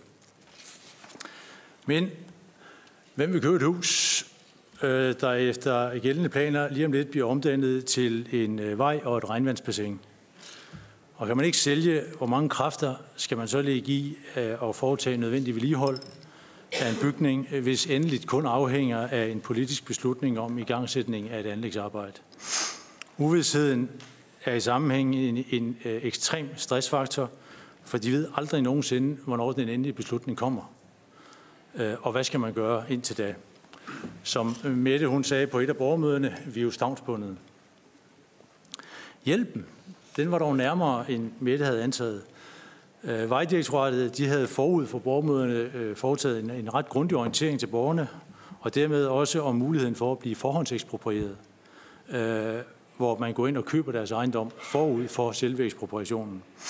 Lars og Mette de kontakter på borgermødet den 17. eller den 9. januar øh, Vejdirektoratets repræsentant, øh, og allerede den 17. januar holder de møde med Vejdirektoratet ude på deres ejendom.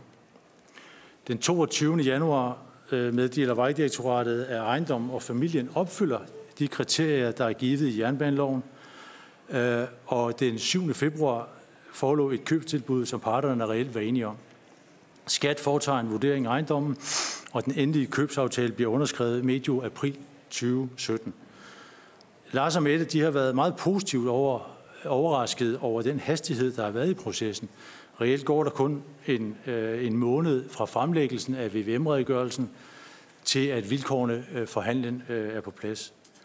Dermed har processen også været en helt anden end den, som øh, tegnede mørke skyer, øh, som Mette refererede fra før. Muligheden for at blive forhåndseksproprieret kombineret med en rigtig god dialog og kom, meget kompetent information fra Vejdirektoratets mandskab i den indledende fase – har i den grad bidraget til, at Lars og Mette har haft en meget positiv oplevelse med, øh, med, med den her sag. Øh, men de valgte umiddelbart at acceptere den pris, der kom. De havde muligheden for at anke prisen til en, en, øh, til en ekspropriationskommission, der så ikke havde taget stilling til anlægget, men alene prisen. I parentes så skal det nævnes, at Vejdirektoratet i dag ejer omkring 15 ejendomme syd for Vejlefjord. Lidt anderledes ser det ud i den anden sag, jeg vil komme ind på.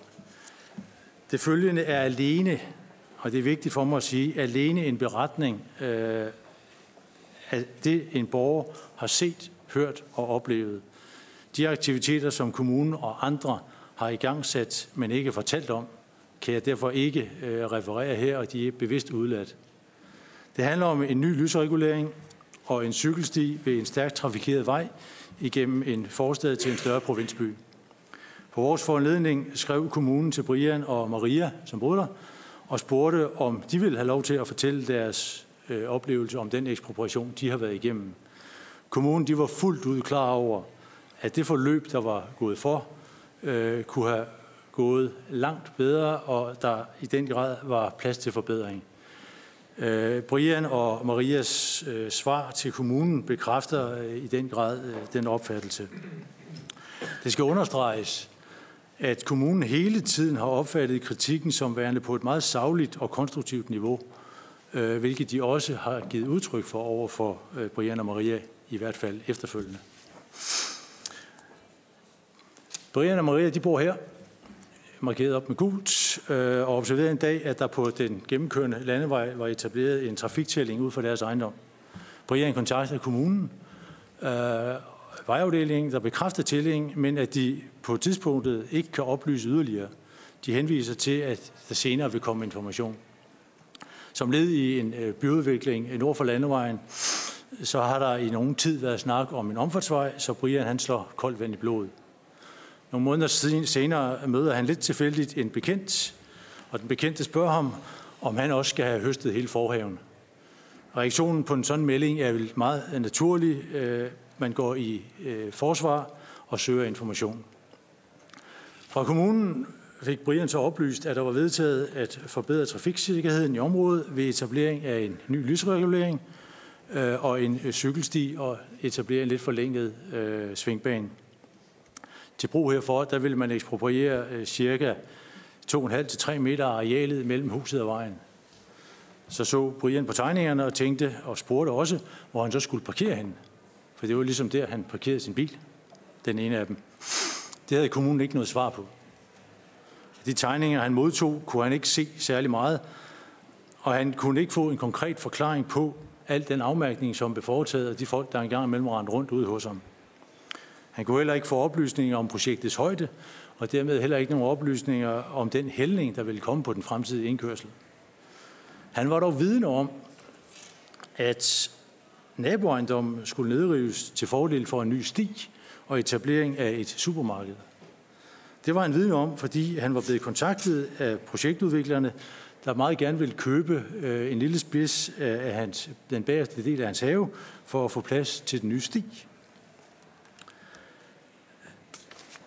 Han spørger kommunen øh, om den ændring øh, inde på naboejendommen kunne medvirke til en løsning af parkeringsproblemerne, for eksempel ved et malæg, sådan at han fik øh, en lille stump ud mod vejen.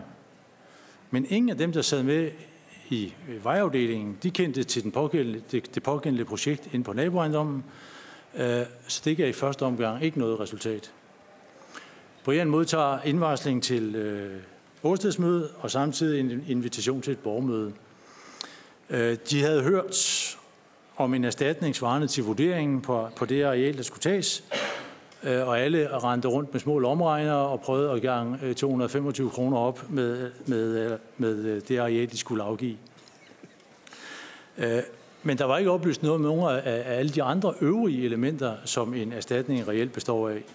Derfor fik man en meget, meget negativ stemning på selve borgermødet, hvor fokus øh, var på urimeligheden i alt det her. Borgermødet gav ifølge Brian heller ikke mange oplysninger øh, om, hvordan han skulle få afklaret sin parkeringsforhold. Ved selve åstedsmødet fremførte han endnu en gang problematikken om, med parkering, men oplevede, at kommunen trods de mange henvendelser ikke havde tænkt over det. Der kom, fremkom øh, flere impulsive forslag fra kommunen og fra kommissionen, Herunder for eksempel at forlægge vejtracéet lidt ind på kirkegården nord for vejen. Brian synes, at de forslag, der kom frem, var fuldstændig urealistiske og uigennemtænkte. Han spurgte også ind til anlæggets højde om, hvordan nedkørslen ville blive. Svaret var, at han nok ikke skulle købe en bil med lav bund.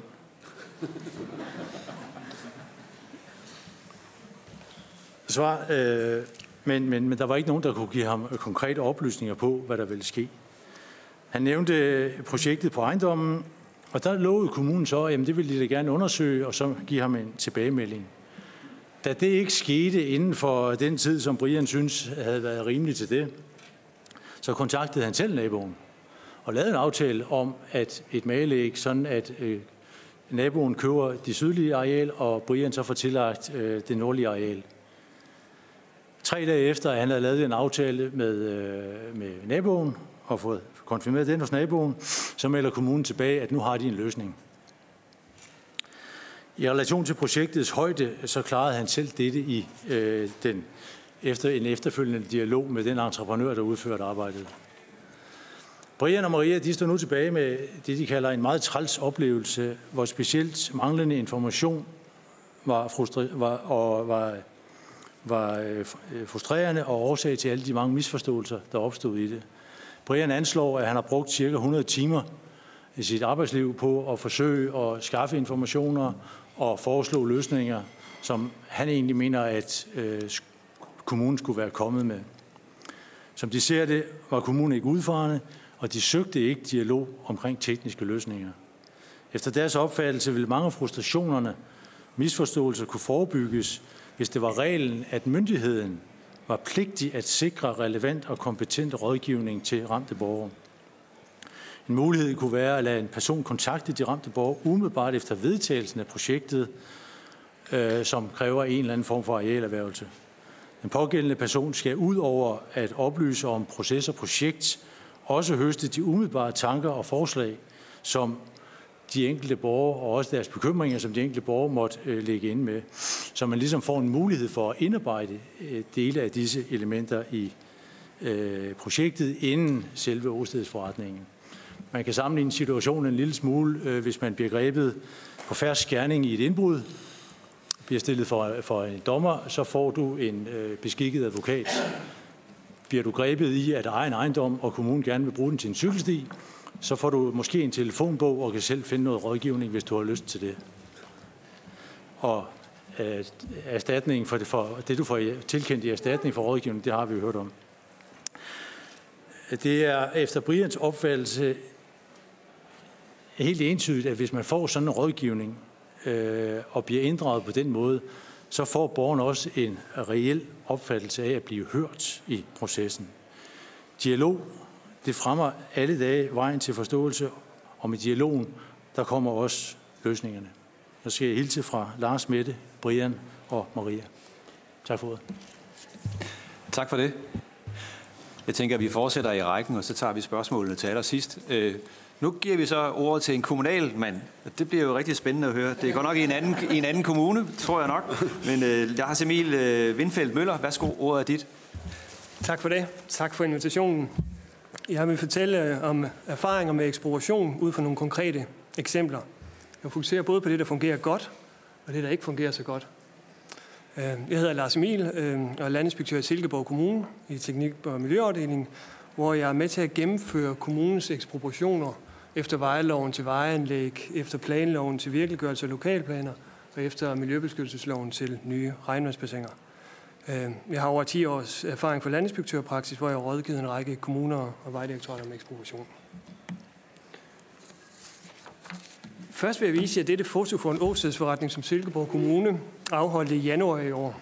I kan se deltagerne i åstedsforretningen og udvalgsformanden, projektlederen, landinspektøren, øh, repræsentanter fra ejerne lytter. Ekspropriationsplanen bliver fremvist. Det er en ekspropriation efter planloven til virkeliggørelse af lokalplanen for, for det, der hedder Søtorvet i Silkeborg, som både omfatter areal til boliger og areal til en offentlig byplads. Og øh, her er det en total, det er en total ekspropriation af en, en tankstation, og, og der er jo offentlig adgang til åstedsforretninger. Altså det her det er en artikel fra, fra Midtjyllands Avis det, der fungerer godt øh, med kommunale ekspropriationer, det er åstedsforretningen med en fysisk besigtigelse, hvor der redegøres for den planlagte ekspropriation og dens omfang, og hvordan det påvirker ejerne øh, og deres ejendom. Øh, en uformel åben dialog er vigtig. Det får tingene til at lykkes. Øh, den politiske deltagelse med en lokalpolitiker er vigtig, øh, og det fremgår allerede af, vejlovens paragraf 101, at der skal være en deltager. Det er jo typisk øh, udvalgsformanden, der deltager. Og det giver så øh, grundejerne mulighed for indsigelser og ændringsforslag med videre direkte til udvalgsformanden, der så kan bære en politiske beslutning igennem. Øh, det er overskueligt for grundejerne. Øh, jeg vil sige, der, der er begrænset antal deltagere, øh, og det er jo med til at gøre det øh, overskueligt for grundejerne. Og, og det er jo meget i modsætning til en statslig øh, ekspropriationskommission, statslig ekspropriationsproces, hvor der møder en halv bus fuld op, og hvor det vælter ud med 10-15 mennesker.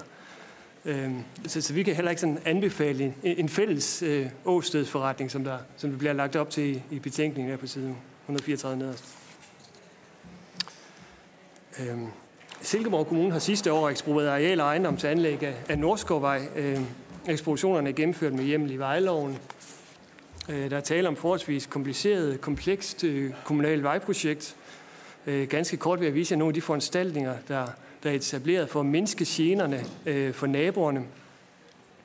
Øhm, der er blandt andet tale om overdækning af en del af vejen, øhm, og der er tale om etablering af støjafskærmning.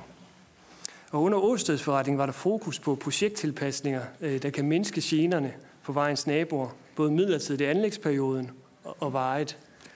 Øhm, så det, der fungerer godt i en kommunal ekspropriationsproces, det er jo netop muligheden for at tilrettelægge en fleksibel proces. Øhm, vi kan afgive et erstatningstilbud under åstedsforretningen, eller øhm, erstatningsdrøftelserne de kan afvente ekspropriationsbeslutningen. Og det giver så mulighed for at, at indarbejde øh, nogle projektændringer, projekttilpasninger efter åstedsforretningen, netop for at imødekomme øh, grundejerens ønske. Og det er der øh, ofte mulighed for at kunne, kunne lave nogle justeringer af projektet. Og så erstatningsudmålingen, den skal jo så afhænge af den endelige øh, projektudformning. Så allerede i dag kan der under åstedsforretningen drøftes erstatning og indgås øh, for lige aftale med ejerne, og der er mulighed for, for at afvende de her projektændringer. Det vi også ser øh, som en fordel er, at det er de samme mennesker, grundejeren møder, altså både til drøftelse af, projektet og til drøftelse af erstatningen. Og det vil det jo ikke være, hvis det var ekspropriationskommissionen, der skal, der skal komme og, og fastsætte erstatning. Så derfor ser vi ikke rigtig nogen, noget grundlag for en, en statsliggørelse af, af erstatningsfastsættelsen.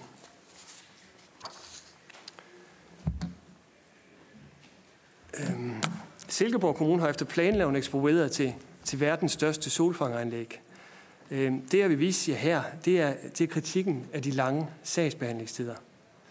Øhm, som også fremgår af den her artikel, så er der afholdt åstedsforretning i april 2016, truffet ekspropriationsbeslutning i maj 2016, afholdt taxationsforretning i december 2016, og, og kendelsen den er først øh, modtaget i juni 2017. Øh, den blev så anket til overtaxationskommissionen, der, der holdt forretning i oktober 2018, og så her Øh, efterkom der øh, umiddelbart en kendelse. Så det, der ikke fungerer godt, det er en meget lange sagsbehandlingstid hos taxationskommissionerne og hos overtaxationskommissionen. Øh, det er ikke usædvanligt, at det tager et år for at berammet en taxationsforretning. Hvis sagen anke, så tager det et år mere, og vi har oplevet nogle gange tager et halvt år for en kendelse, og det er meget svært for borgerne at forstå. Og øh, så vil jeg overveje lidt, altså, hvad kunne vi så foreslå? Og, og, og det vi foreslår, det er, at det direkte indskrives i vejloven, at der er de her frister. Vi foreslår, at øh, øh, der skal afholdes taxationsforretning inden for tre måneder, og så skal der foreligge en kendelse fire uger efter. Det vil kunne gøre simpelt og sikre den her samtidighed mellem ekspropriationsbeslutningen og erstatningsfastsættelsen. Øh, så det var konkret forslag. Et, øh, et andet en anden ting, eller sådan et forslag til forbedring, det er den her... Øh, Silkeborg Kommune gør meget ud af at vejlede øh, berørte grundejere som en del af ekspropriationsforløbet. Det er jo en vigtig del af ekspropriationsprocessen at vejlede øh, borgerne godt. Øh, det vi, og, og til den brug har vi også udarbejdet nogle forskellige øh, øh kommunale vejledninger, som vi giver, giver berørte borgere. Øh, men vi har et ønske om, at der udarbejdes en ny vejledning til grundejerne om kommunal ekspropriation, øh, en vejledning, der pædagogisk gennemgår de forskellige faser i ekspropriationsforløbet, så det bliver klarere for borgerne. Øh,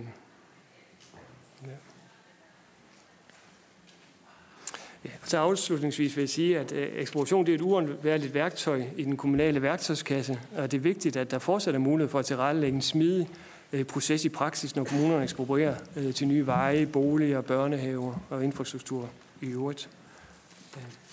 Tak for ordet. Tusind tak for det. Jeg siger tak til Erik Lars Emil Windfeldt Møller, hedder det er jo langt øh, at sige. Og så vil jeg give ordet til den sidste oplægsholder i den her øh, runde her. Det er Claus øh, Vejgaard, som er ejendomsmæler i EDC. Øh, værsgo.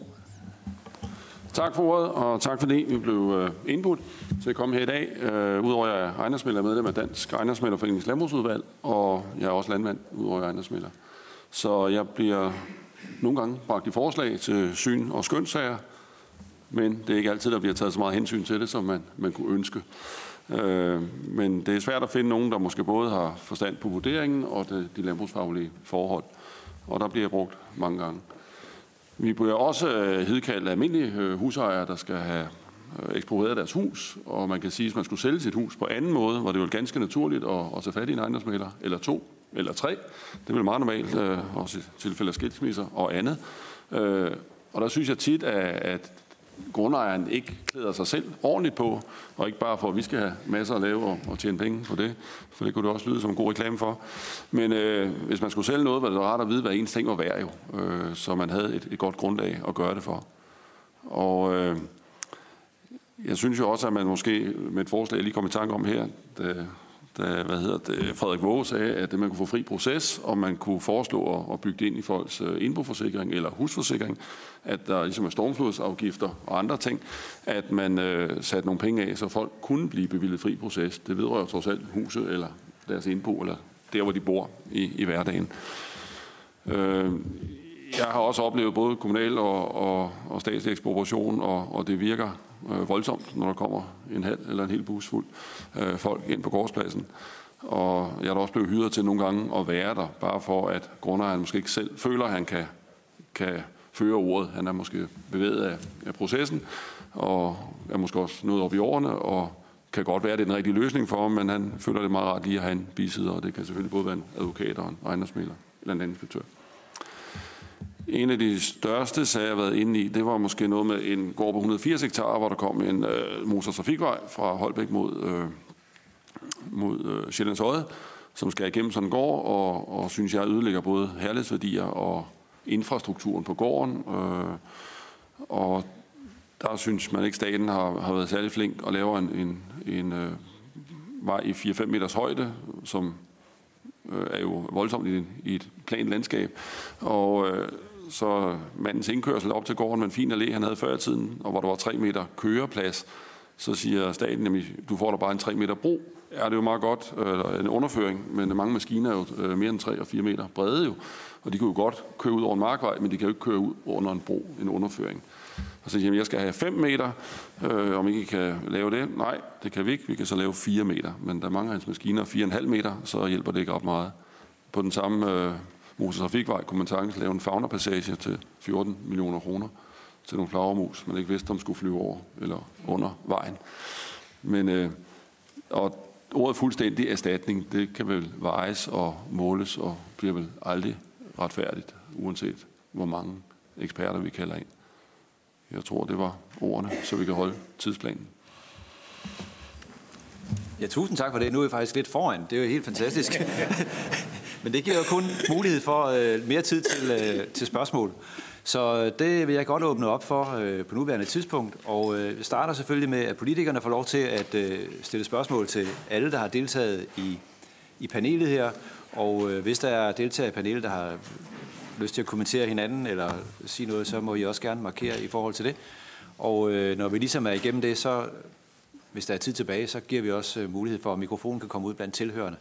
Men øh, jeg starter over hos politikerne, og øh, den første, der, der får ordet her, det er, skal jeg se, Hans Christian Schmidt. Værsgo. Men formand, det er kun for at sige, at jeg vil godt gemme mit spørgsmål, for jeg kan også stille dem skriftligt, for jeg tror, hvis der var nogen, der også ville stille noget der, så ville det være fint for mig. Så jeg gemmer lige mine til sidst. Jamen, det er fuldstændig frit. Øh, okay, så er der slet ikke nogen spørgsmål, så øh, vi vil gerne have nogen på banen, ja. Øh, blandt tilhørende måske? Eller intern. Det er der her lige nøjagtigt. Øh, Rikke Søgaard, værsgo. Tak for det. Øhm, i forhold til, jeg har, jeg har noteret sådan øh, fire punkter ned, hvor jeg sådan undervejs har tænkt, at der kunne man i hvert fald godt have et andet blik på det også, eller at uddybe de regler også, bare så man ved, hvilke retlige rammer gælder. Der var et spørgsmål øh, omkring det her med øh, erstatningens udmåling og begrundelsen for det. Skal der slet ingen begrundelse være? Der gælder jo de almindelige regler i, i øh, sagsbehandlingsreglerne, i forvaltningsloven osv. Øhm, og e, det er jo et særskilt spørgsmål at få begrundet den enkelte afgørelse. Det jeg opfatter, det vi har drøftet meget i udvalget, så også jo, øh, det vi opfatter som et, et, et mere sådan presserende retssikkerhedsmæssigt problem, det er simpelthen, at der ikke er en afgørelsesdatabase.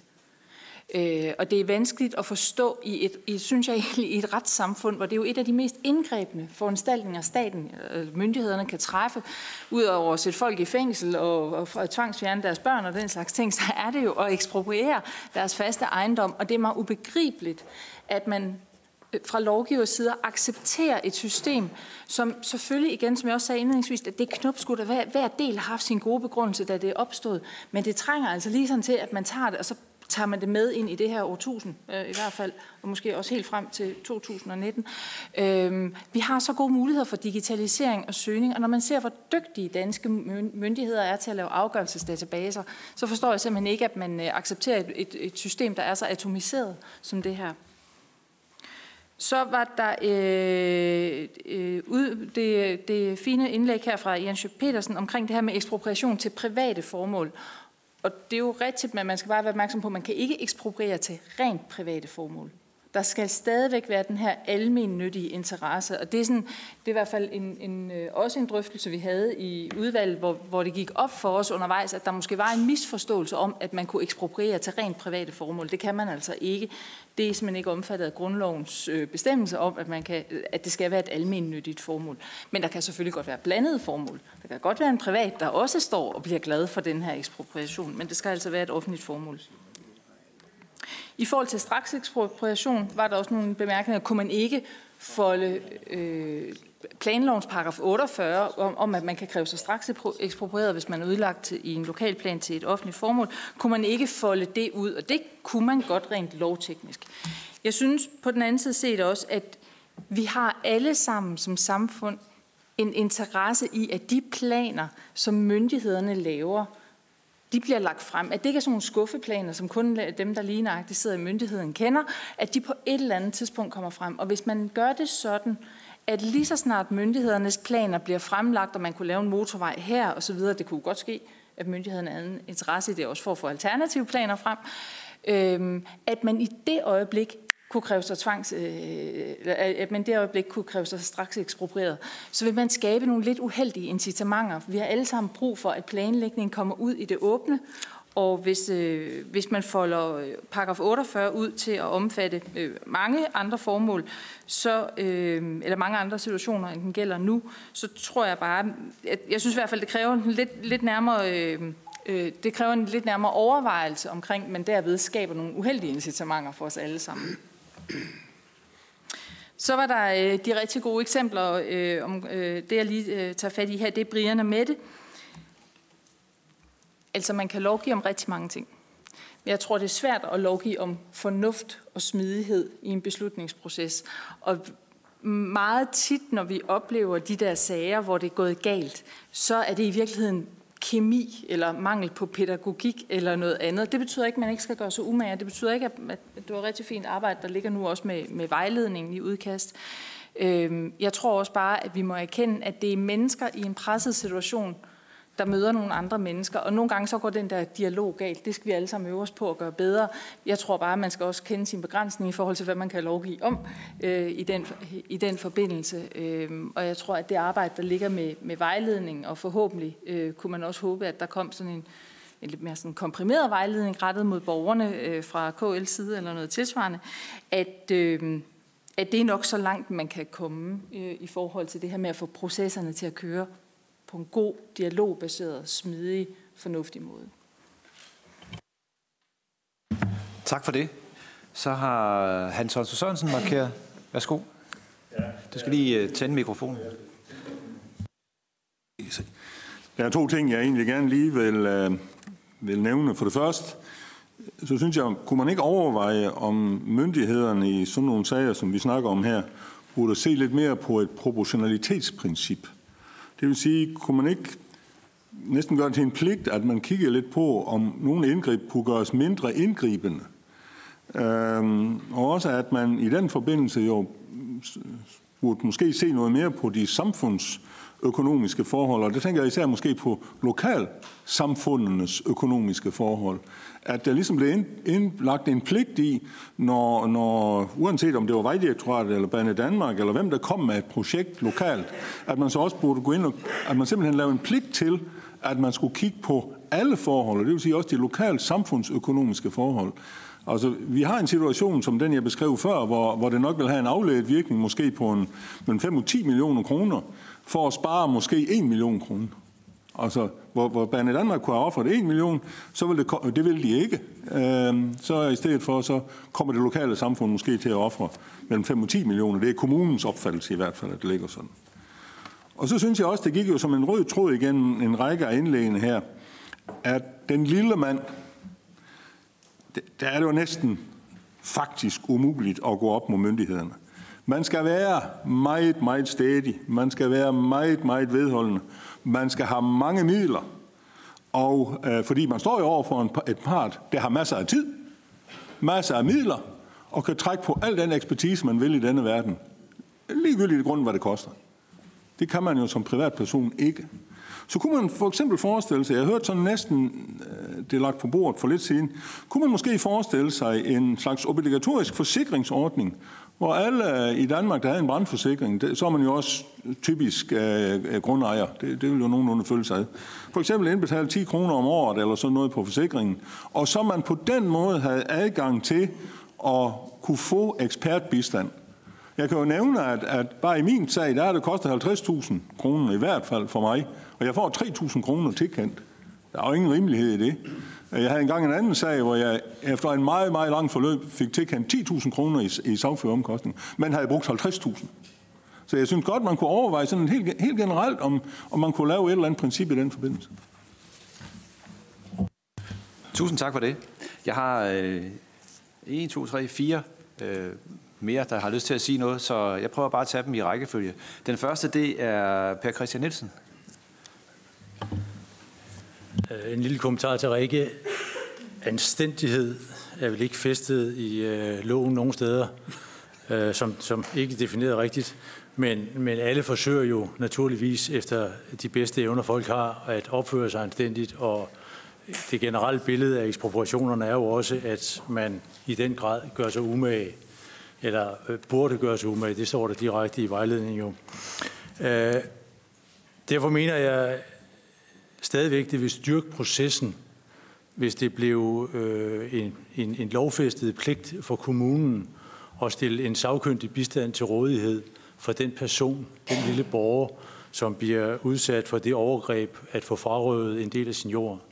Man skal simpelthen sikre, at den pågældende borger er klædt på, både omkring proces, men også at borgeren øh, føler en tryghed med den person, der kommer ud, og derved begynder at lukke op for noget af det, som er øh, nogle af de bløde værdier for borgeren, så man ikke bare går ud og fokuserer på, at der er 12 kvadratmeter, og der står en, en, en flot tuja i midten, og den fælder vi, og du får. Vi skal opføre os anstændigt ved at sikre, at borgeren får tid og rum til at føle efter inde i maven, hvad det er, der betyder noget.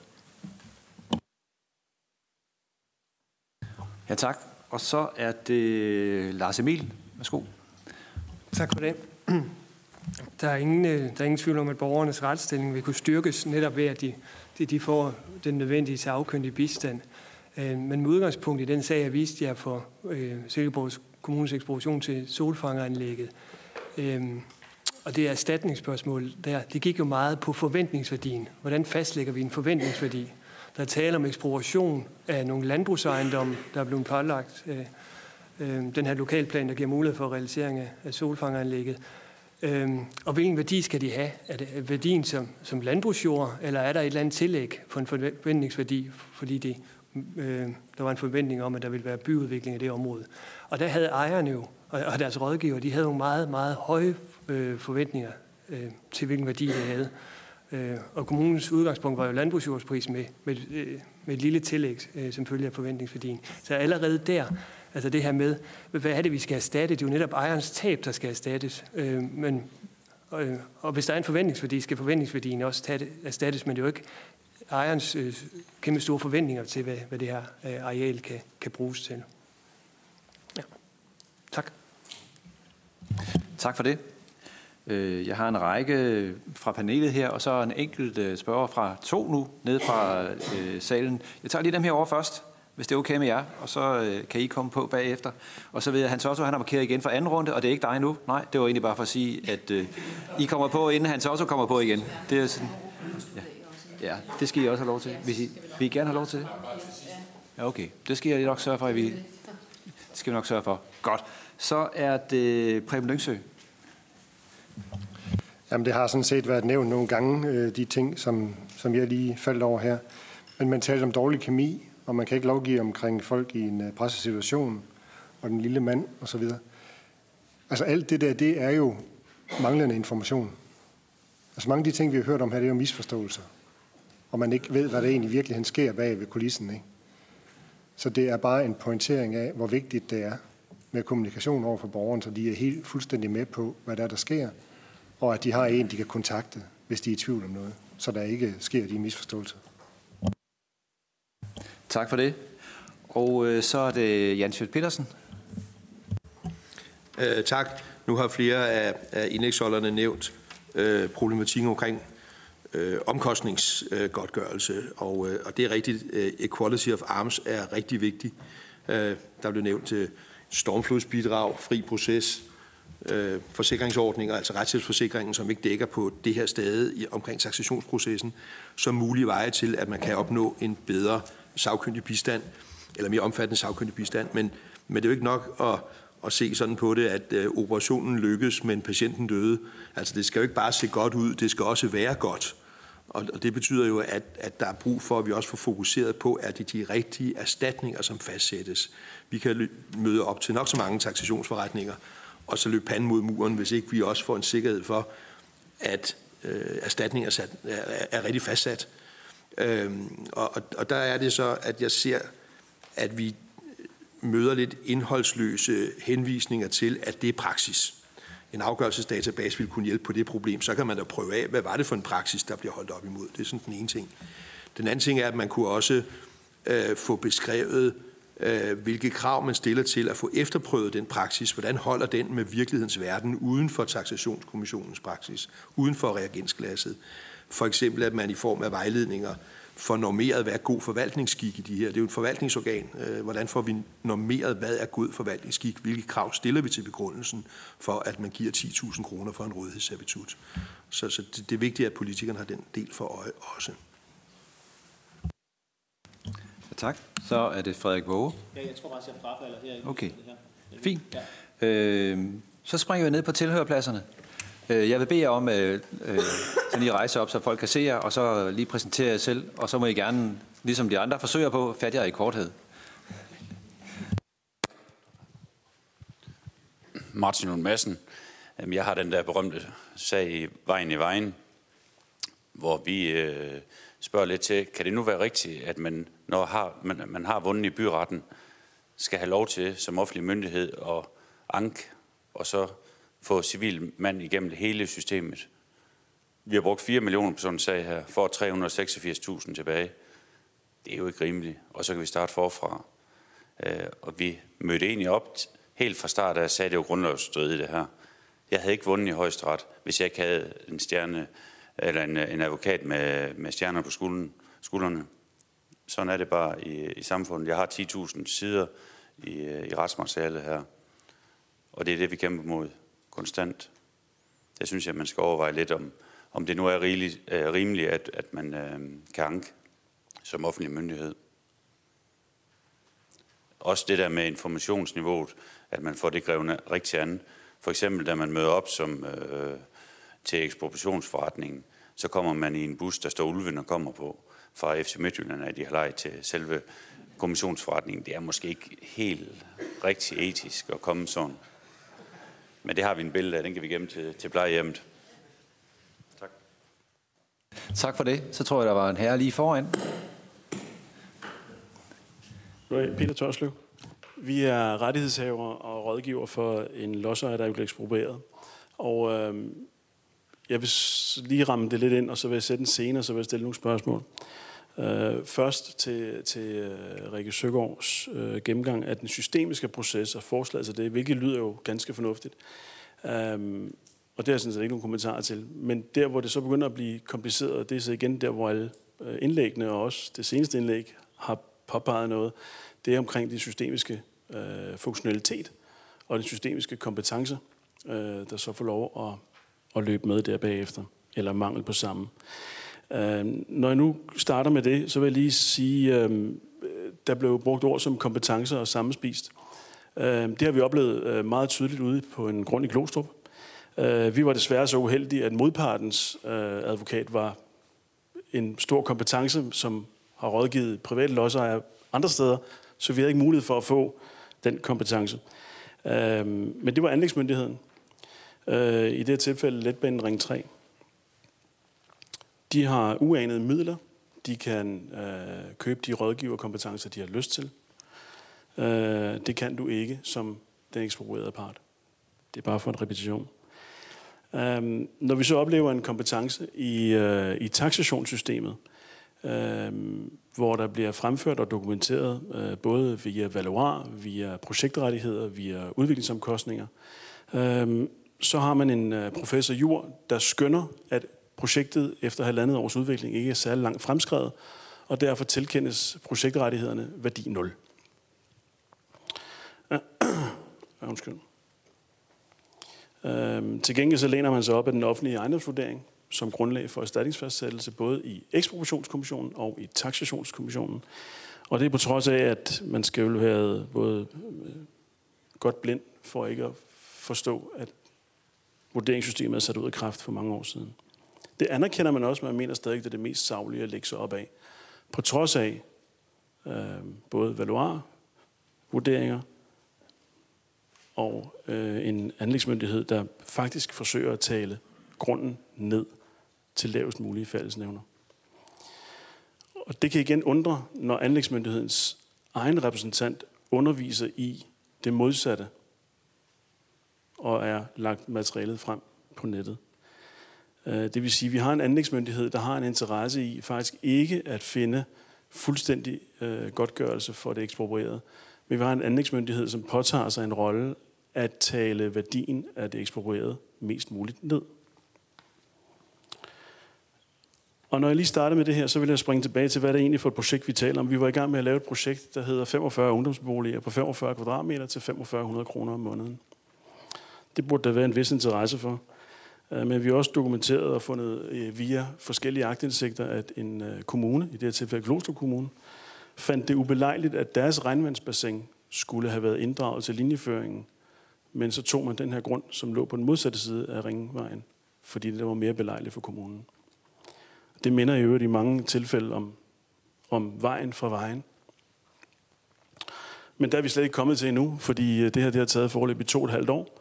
Uh, vi er to personer, og vi har af princip simpelthen valgt at sige, at vi, vi fører det her forløb selv på Lodsøjers vegne og som kommersielle rådgiver. Og vi har valgt af princip at gå udenom den juridiske rådgivning. Uh, for lige så meget at få set, vi var godt klar over, at det var op ad bakke, og på det meget fine billede op ad bakke, uh, der blev vist tidligere. Men der har vi valgt simpelthen for, for, for at få set, hvor langt kommer det her ved lægemands indsats og vi er sådan set øh, utrætteligt blevet ved. Og det har også medført øh, en, en del skriverier, både til ombudsmanden og til øh, minister, øh, til kommissioner øh, med mere. Hvis vi tager øh, funktionaliteten, altså procesfunktionaliteten ind, funktionaliteten i selve taxations- og ekspropriationskommissionen ind, der er vi stødt på et meget spøjst øh, element, der hedder, at øh, dels tilsidesætter man alle øh, faglige vurderinger. Øh, vi har fået gjort opmærksom på og dokumenteret et habilitetsproblem via den ledende landinspektørs egen økonomiske interesse i den grund, der skulle eksproprieres til synlædende. Via opkøb af pantebreve, kort før ekspropriationen blev bekendtgjort. Øh, den samme ledende landinspektør sidder i kommissionsarbejdet, både i ekspropriationskommissionen og i taxationskommissionen og fungerer som rådgiver for ekspropriationen, eller for kommissionsarbejdet. Den habilitets øh, dokumentation, som vi har fremlagt, har man valgt ikke at behandle. Man har nu skrevet, at man har behandlet den, men på selve kommissionsarbejdet vælger øh, kommissionsformanden at sige, at jeg vil ikke have sammensat kommissionen, hvis ikke jeg mente, den var habil. Men man kigger ikke på materialet. Det vil sige, at der er foregået en en kommunikation forlades kommissionens egentlige arbejdsdag. Jeg beklager tiden. Jeg håber, du er færdig. Jeg skal det gøre det kort. Ja. Okay, ganske kort så. Uh, meget kort. Uh, nej, lad os, uh, lad os holde den der. Lad os holde den der. Jeg synes, der står også klikkende klart, så det er fint. Tak skal du have. Jeg vender tilbage til panelet her. Hans Otto Sørensen har markeret, du øh, får ordet, så jeg ved ikke, om der er nogen her, der har lyst til at sige noget, og så giver jeg ordet til politikerne bagefter for lidt afsluttende bemærkninger heroverfra. Så, værsgo, Hans Otto. Ja, for det første vil jeg gerne sige, at jeg synes, det har været meget spændende at være med. Øhm, og det sætter der nogle tanker i gang, øh, for jeg kan jo høre, at nogle af de erfaringer, man har andre steder, er nogle, jeg kan genkende til, fordi jeg har været med til en række forretninger for en ekspropriationskommission. Jeg synes, man bør overveje fra politisk hold øh, og på en eller anden måde sikre en større adskillelse mellem kommissionen og så myndighederne, altså forstået på anlægsmyndighederne. Fordi jeg er åbenbart ikke den eneste, der har fået den opfattelse, at der er en, en betydelig sammenspisthed imellem Bane Danmark, Vejdirektoratet på den ene side, og også dem to imellem, og så øh, kommissionen på den anden side. Der synes jeg, man simpelthen bør på en eller anden måde sikre, at der er en større adskillelse der. Øhm, og øhm, det lader jeg også mærke til flere gange under møderne. Man troede meget, bedre, meget mere på deres argumenter, og det de kom med, end det, som lokalbefolkningen kom med. Øh, så synes jeg også, man bør overveje simpelthen i en lov at få indført noget om, øh, både en, en, at, at medlemmer af sådan en kommission ikke må være mere end, øh, jeg har nær sagt 60, men i hvert fald ikke over 65 år. Jeg synes altså, folk, der har været ude af cirkulationen enormt meget længe, og så skal ud og øh, ligesom dømme i forhold fra den virkelige verden. Altså, på en eller anden måde, så, så bør man gøre et eller andet der efter min bedste overbevisning. Så mener jeg også, at man bør have et eller andet ind i loven om, at øh, folk skal have nogle, nogle reelle kompetencer på det område.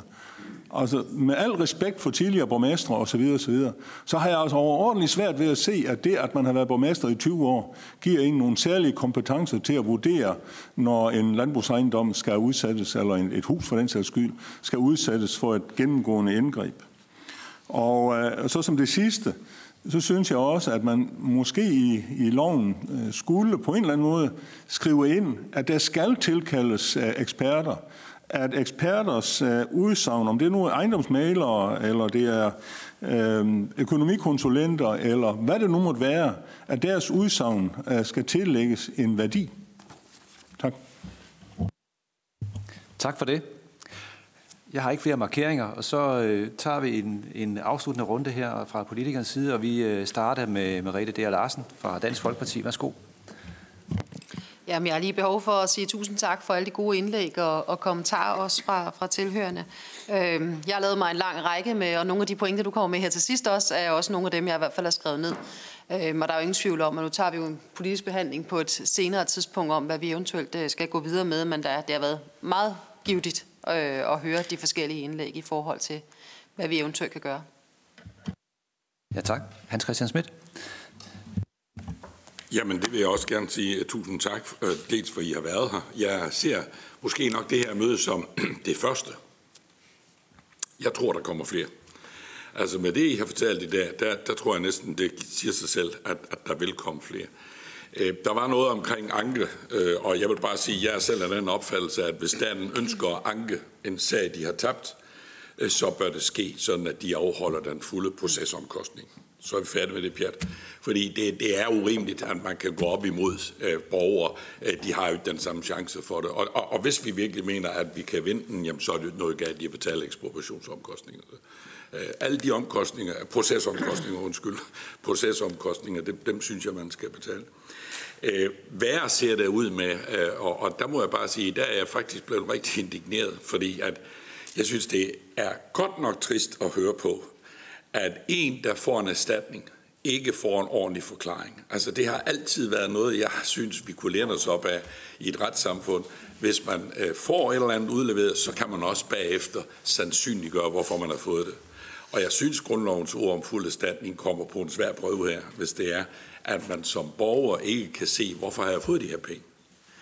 Jeg får lidt den fornemmelse af, at det, det kunne næsten tyde på, at man ikke har været helt sikker på, hvorfor man har sat beløbene på, og så skønner man til sidst og siger, at det er sådan et samlet beløb. Og det vil jeg bare sige, det, det er jeg virkelig ked af. Altså det, det skal vi have gjort noget ved. Så var der noget med kompetencen. Det er jeg enig i. Man skal altså have kompetencer, når man skal sidde og gøre det. Men mest af alt, øh, så er jeg enig i, jeg går ikke så meget op i hverken deres alder eller, eller hvad de har, øh, men jeg går meget op i det, som flere af jer har sagt, nemlig, der skal være eksperter, der er inde og vurdere, hvad koster det her. Og, øh, og bare at høre på, at vi nu for første gang, når staten skal til at betale noget, lægger ejendomsvurderinger til grund. Det vil jeg bare opfordre kraftigt, man ikke gør fra statens side, hvis man skal sælge noget. Altså det, det skal man ikke gøre. Det er nok noget mere værd, end man tror, man kan aflæse i en ejendomsvurdering. Tak fordi I har været her. Jeg ser frem til, at vi mødes igen, og jeg glæder mig ligesom du til, at vi får en diskussion politisk om det. Og jeg synes, det har været rigtig fint, at vi har, vi har haft den her debat. Man kunne godt have sagt mange flere ting om det, men det må vi tage ved en senere lejlighed. Tak Ja, tak. Og så Rasmus Prehn. Værsgo. Ja, men jeg vil på samme måde også øh, tak for de mange bidrag, der har været her, og tak øh, til Hans Christian Schmidt for at presse på her i udvalget for, at vi får lavet øh, den her høring. Jeg synes, det har været nyttigt, og der er rigtig mange ting, som øh, der vækker til refleksion og til overvejelse. Øh, og jeg tænker, der er flere initiativer, vi kan tage øh, bredt i øh, Folketinget på den her baggrund. Nu er det klart, når man laver sådan en høring, så er der måske nok også en lille tendens til, af de allermest redselsvækkende eksempler, der kommer frem, øh, og så bliver der tegnet et billede af, at det ser meget, meget dystert ud. De steder, der skal vi selvfølgelig gøre det bedre, men må ikke også, der er en række steder, hvor folk sådan set er rigtig øh, godt tilfredse, og hvor at øh, der måske også nogen, der endda har fået en erstatning, der er til den gode side.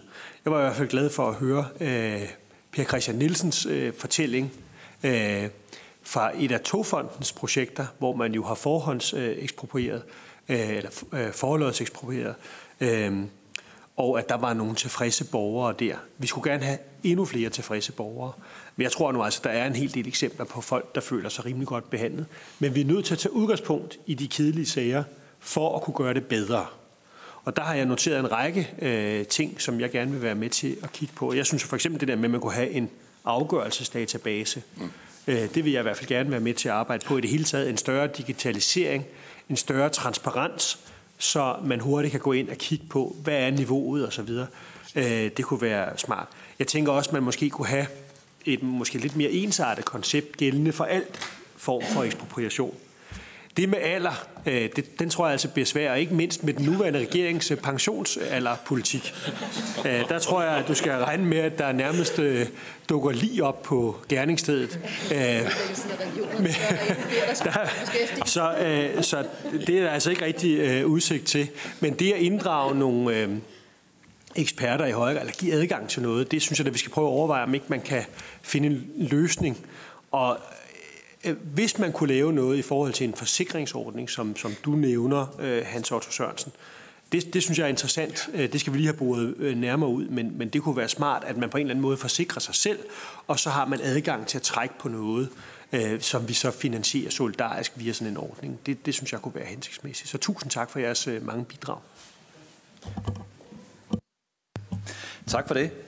Jamen, øh, så er vi jo sådan set nået til, øh, til vejs ende, og det passer også lige med vores øh, plan, så I kan komme hjem i rette tid. Jeg synes, at øh, ligesom mine kolleger, at øh, vi har fået rigtig mange øh, fine ting på bordet i dag, og vi er kommet godt rundt. Og som I også kan fornemme, så er der, der er skrevet på bloggen i forhold til de gode forslag, der er kommet frem. Jeg ved også, der er skrevet herop, fordi der er nogle ting, der meget faktuelt kan blive spurgt ind til. Der er jo også øh, talt om, skal man sige, nogen, der ikke er til stede i dag, øh, og som øh, ikke har mulighed for at være til stede. Dem bliver vi jo nødt til at forholde os til også fra udvalgets side, øh, de ting, der er blevet sagt her. Øh, så øh, jeg vil meget gerne på øh, udvalgets vegne sige tak til øh, alle oplægsholderne. Øh, I får en lille erkendelighed. Det gør man altid, når man er i Folketinget, øh, som jeg vil give til jer bagefter, når vi har afsluttet her. Og så vil jeg også sige tak til øh, mine kolleger, der har deltaget, til alle tilhørende, der har siddet lige så stille her inden og lyttet efter, og til dem, der måtte have, have fulgt øh, med ude på, på skærmen derude. Den her høring, den kan man, hvis man har lyst til det, gense på Folketingets hjemmeside, og øh, de PowerPoint-præsentationer, øh, som der har været, været her i dag, den kan man finde på øh, udvalgets hjemmeside øh, efterfølgende, hvis der er nogen, der har lyst til det. Der er, står sandwich og lidt drikkevarer herude, så man kan nå at få fyldt tanken op, inden man tager hjem. Så vil jeg gerne sige tusind tak for i dag. Det har været rigtig, rigtig spændende, og øh, jeg er sikker på, at i udvalget, der øh, går vi ind til noget mere arbejde i det her forløb, for der er noget at tage fat i. Øh, det er tydeligt for enhver. Så tusind tak for i dag. Tak.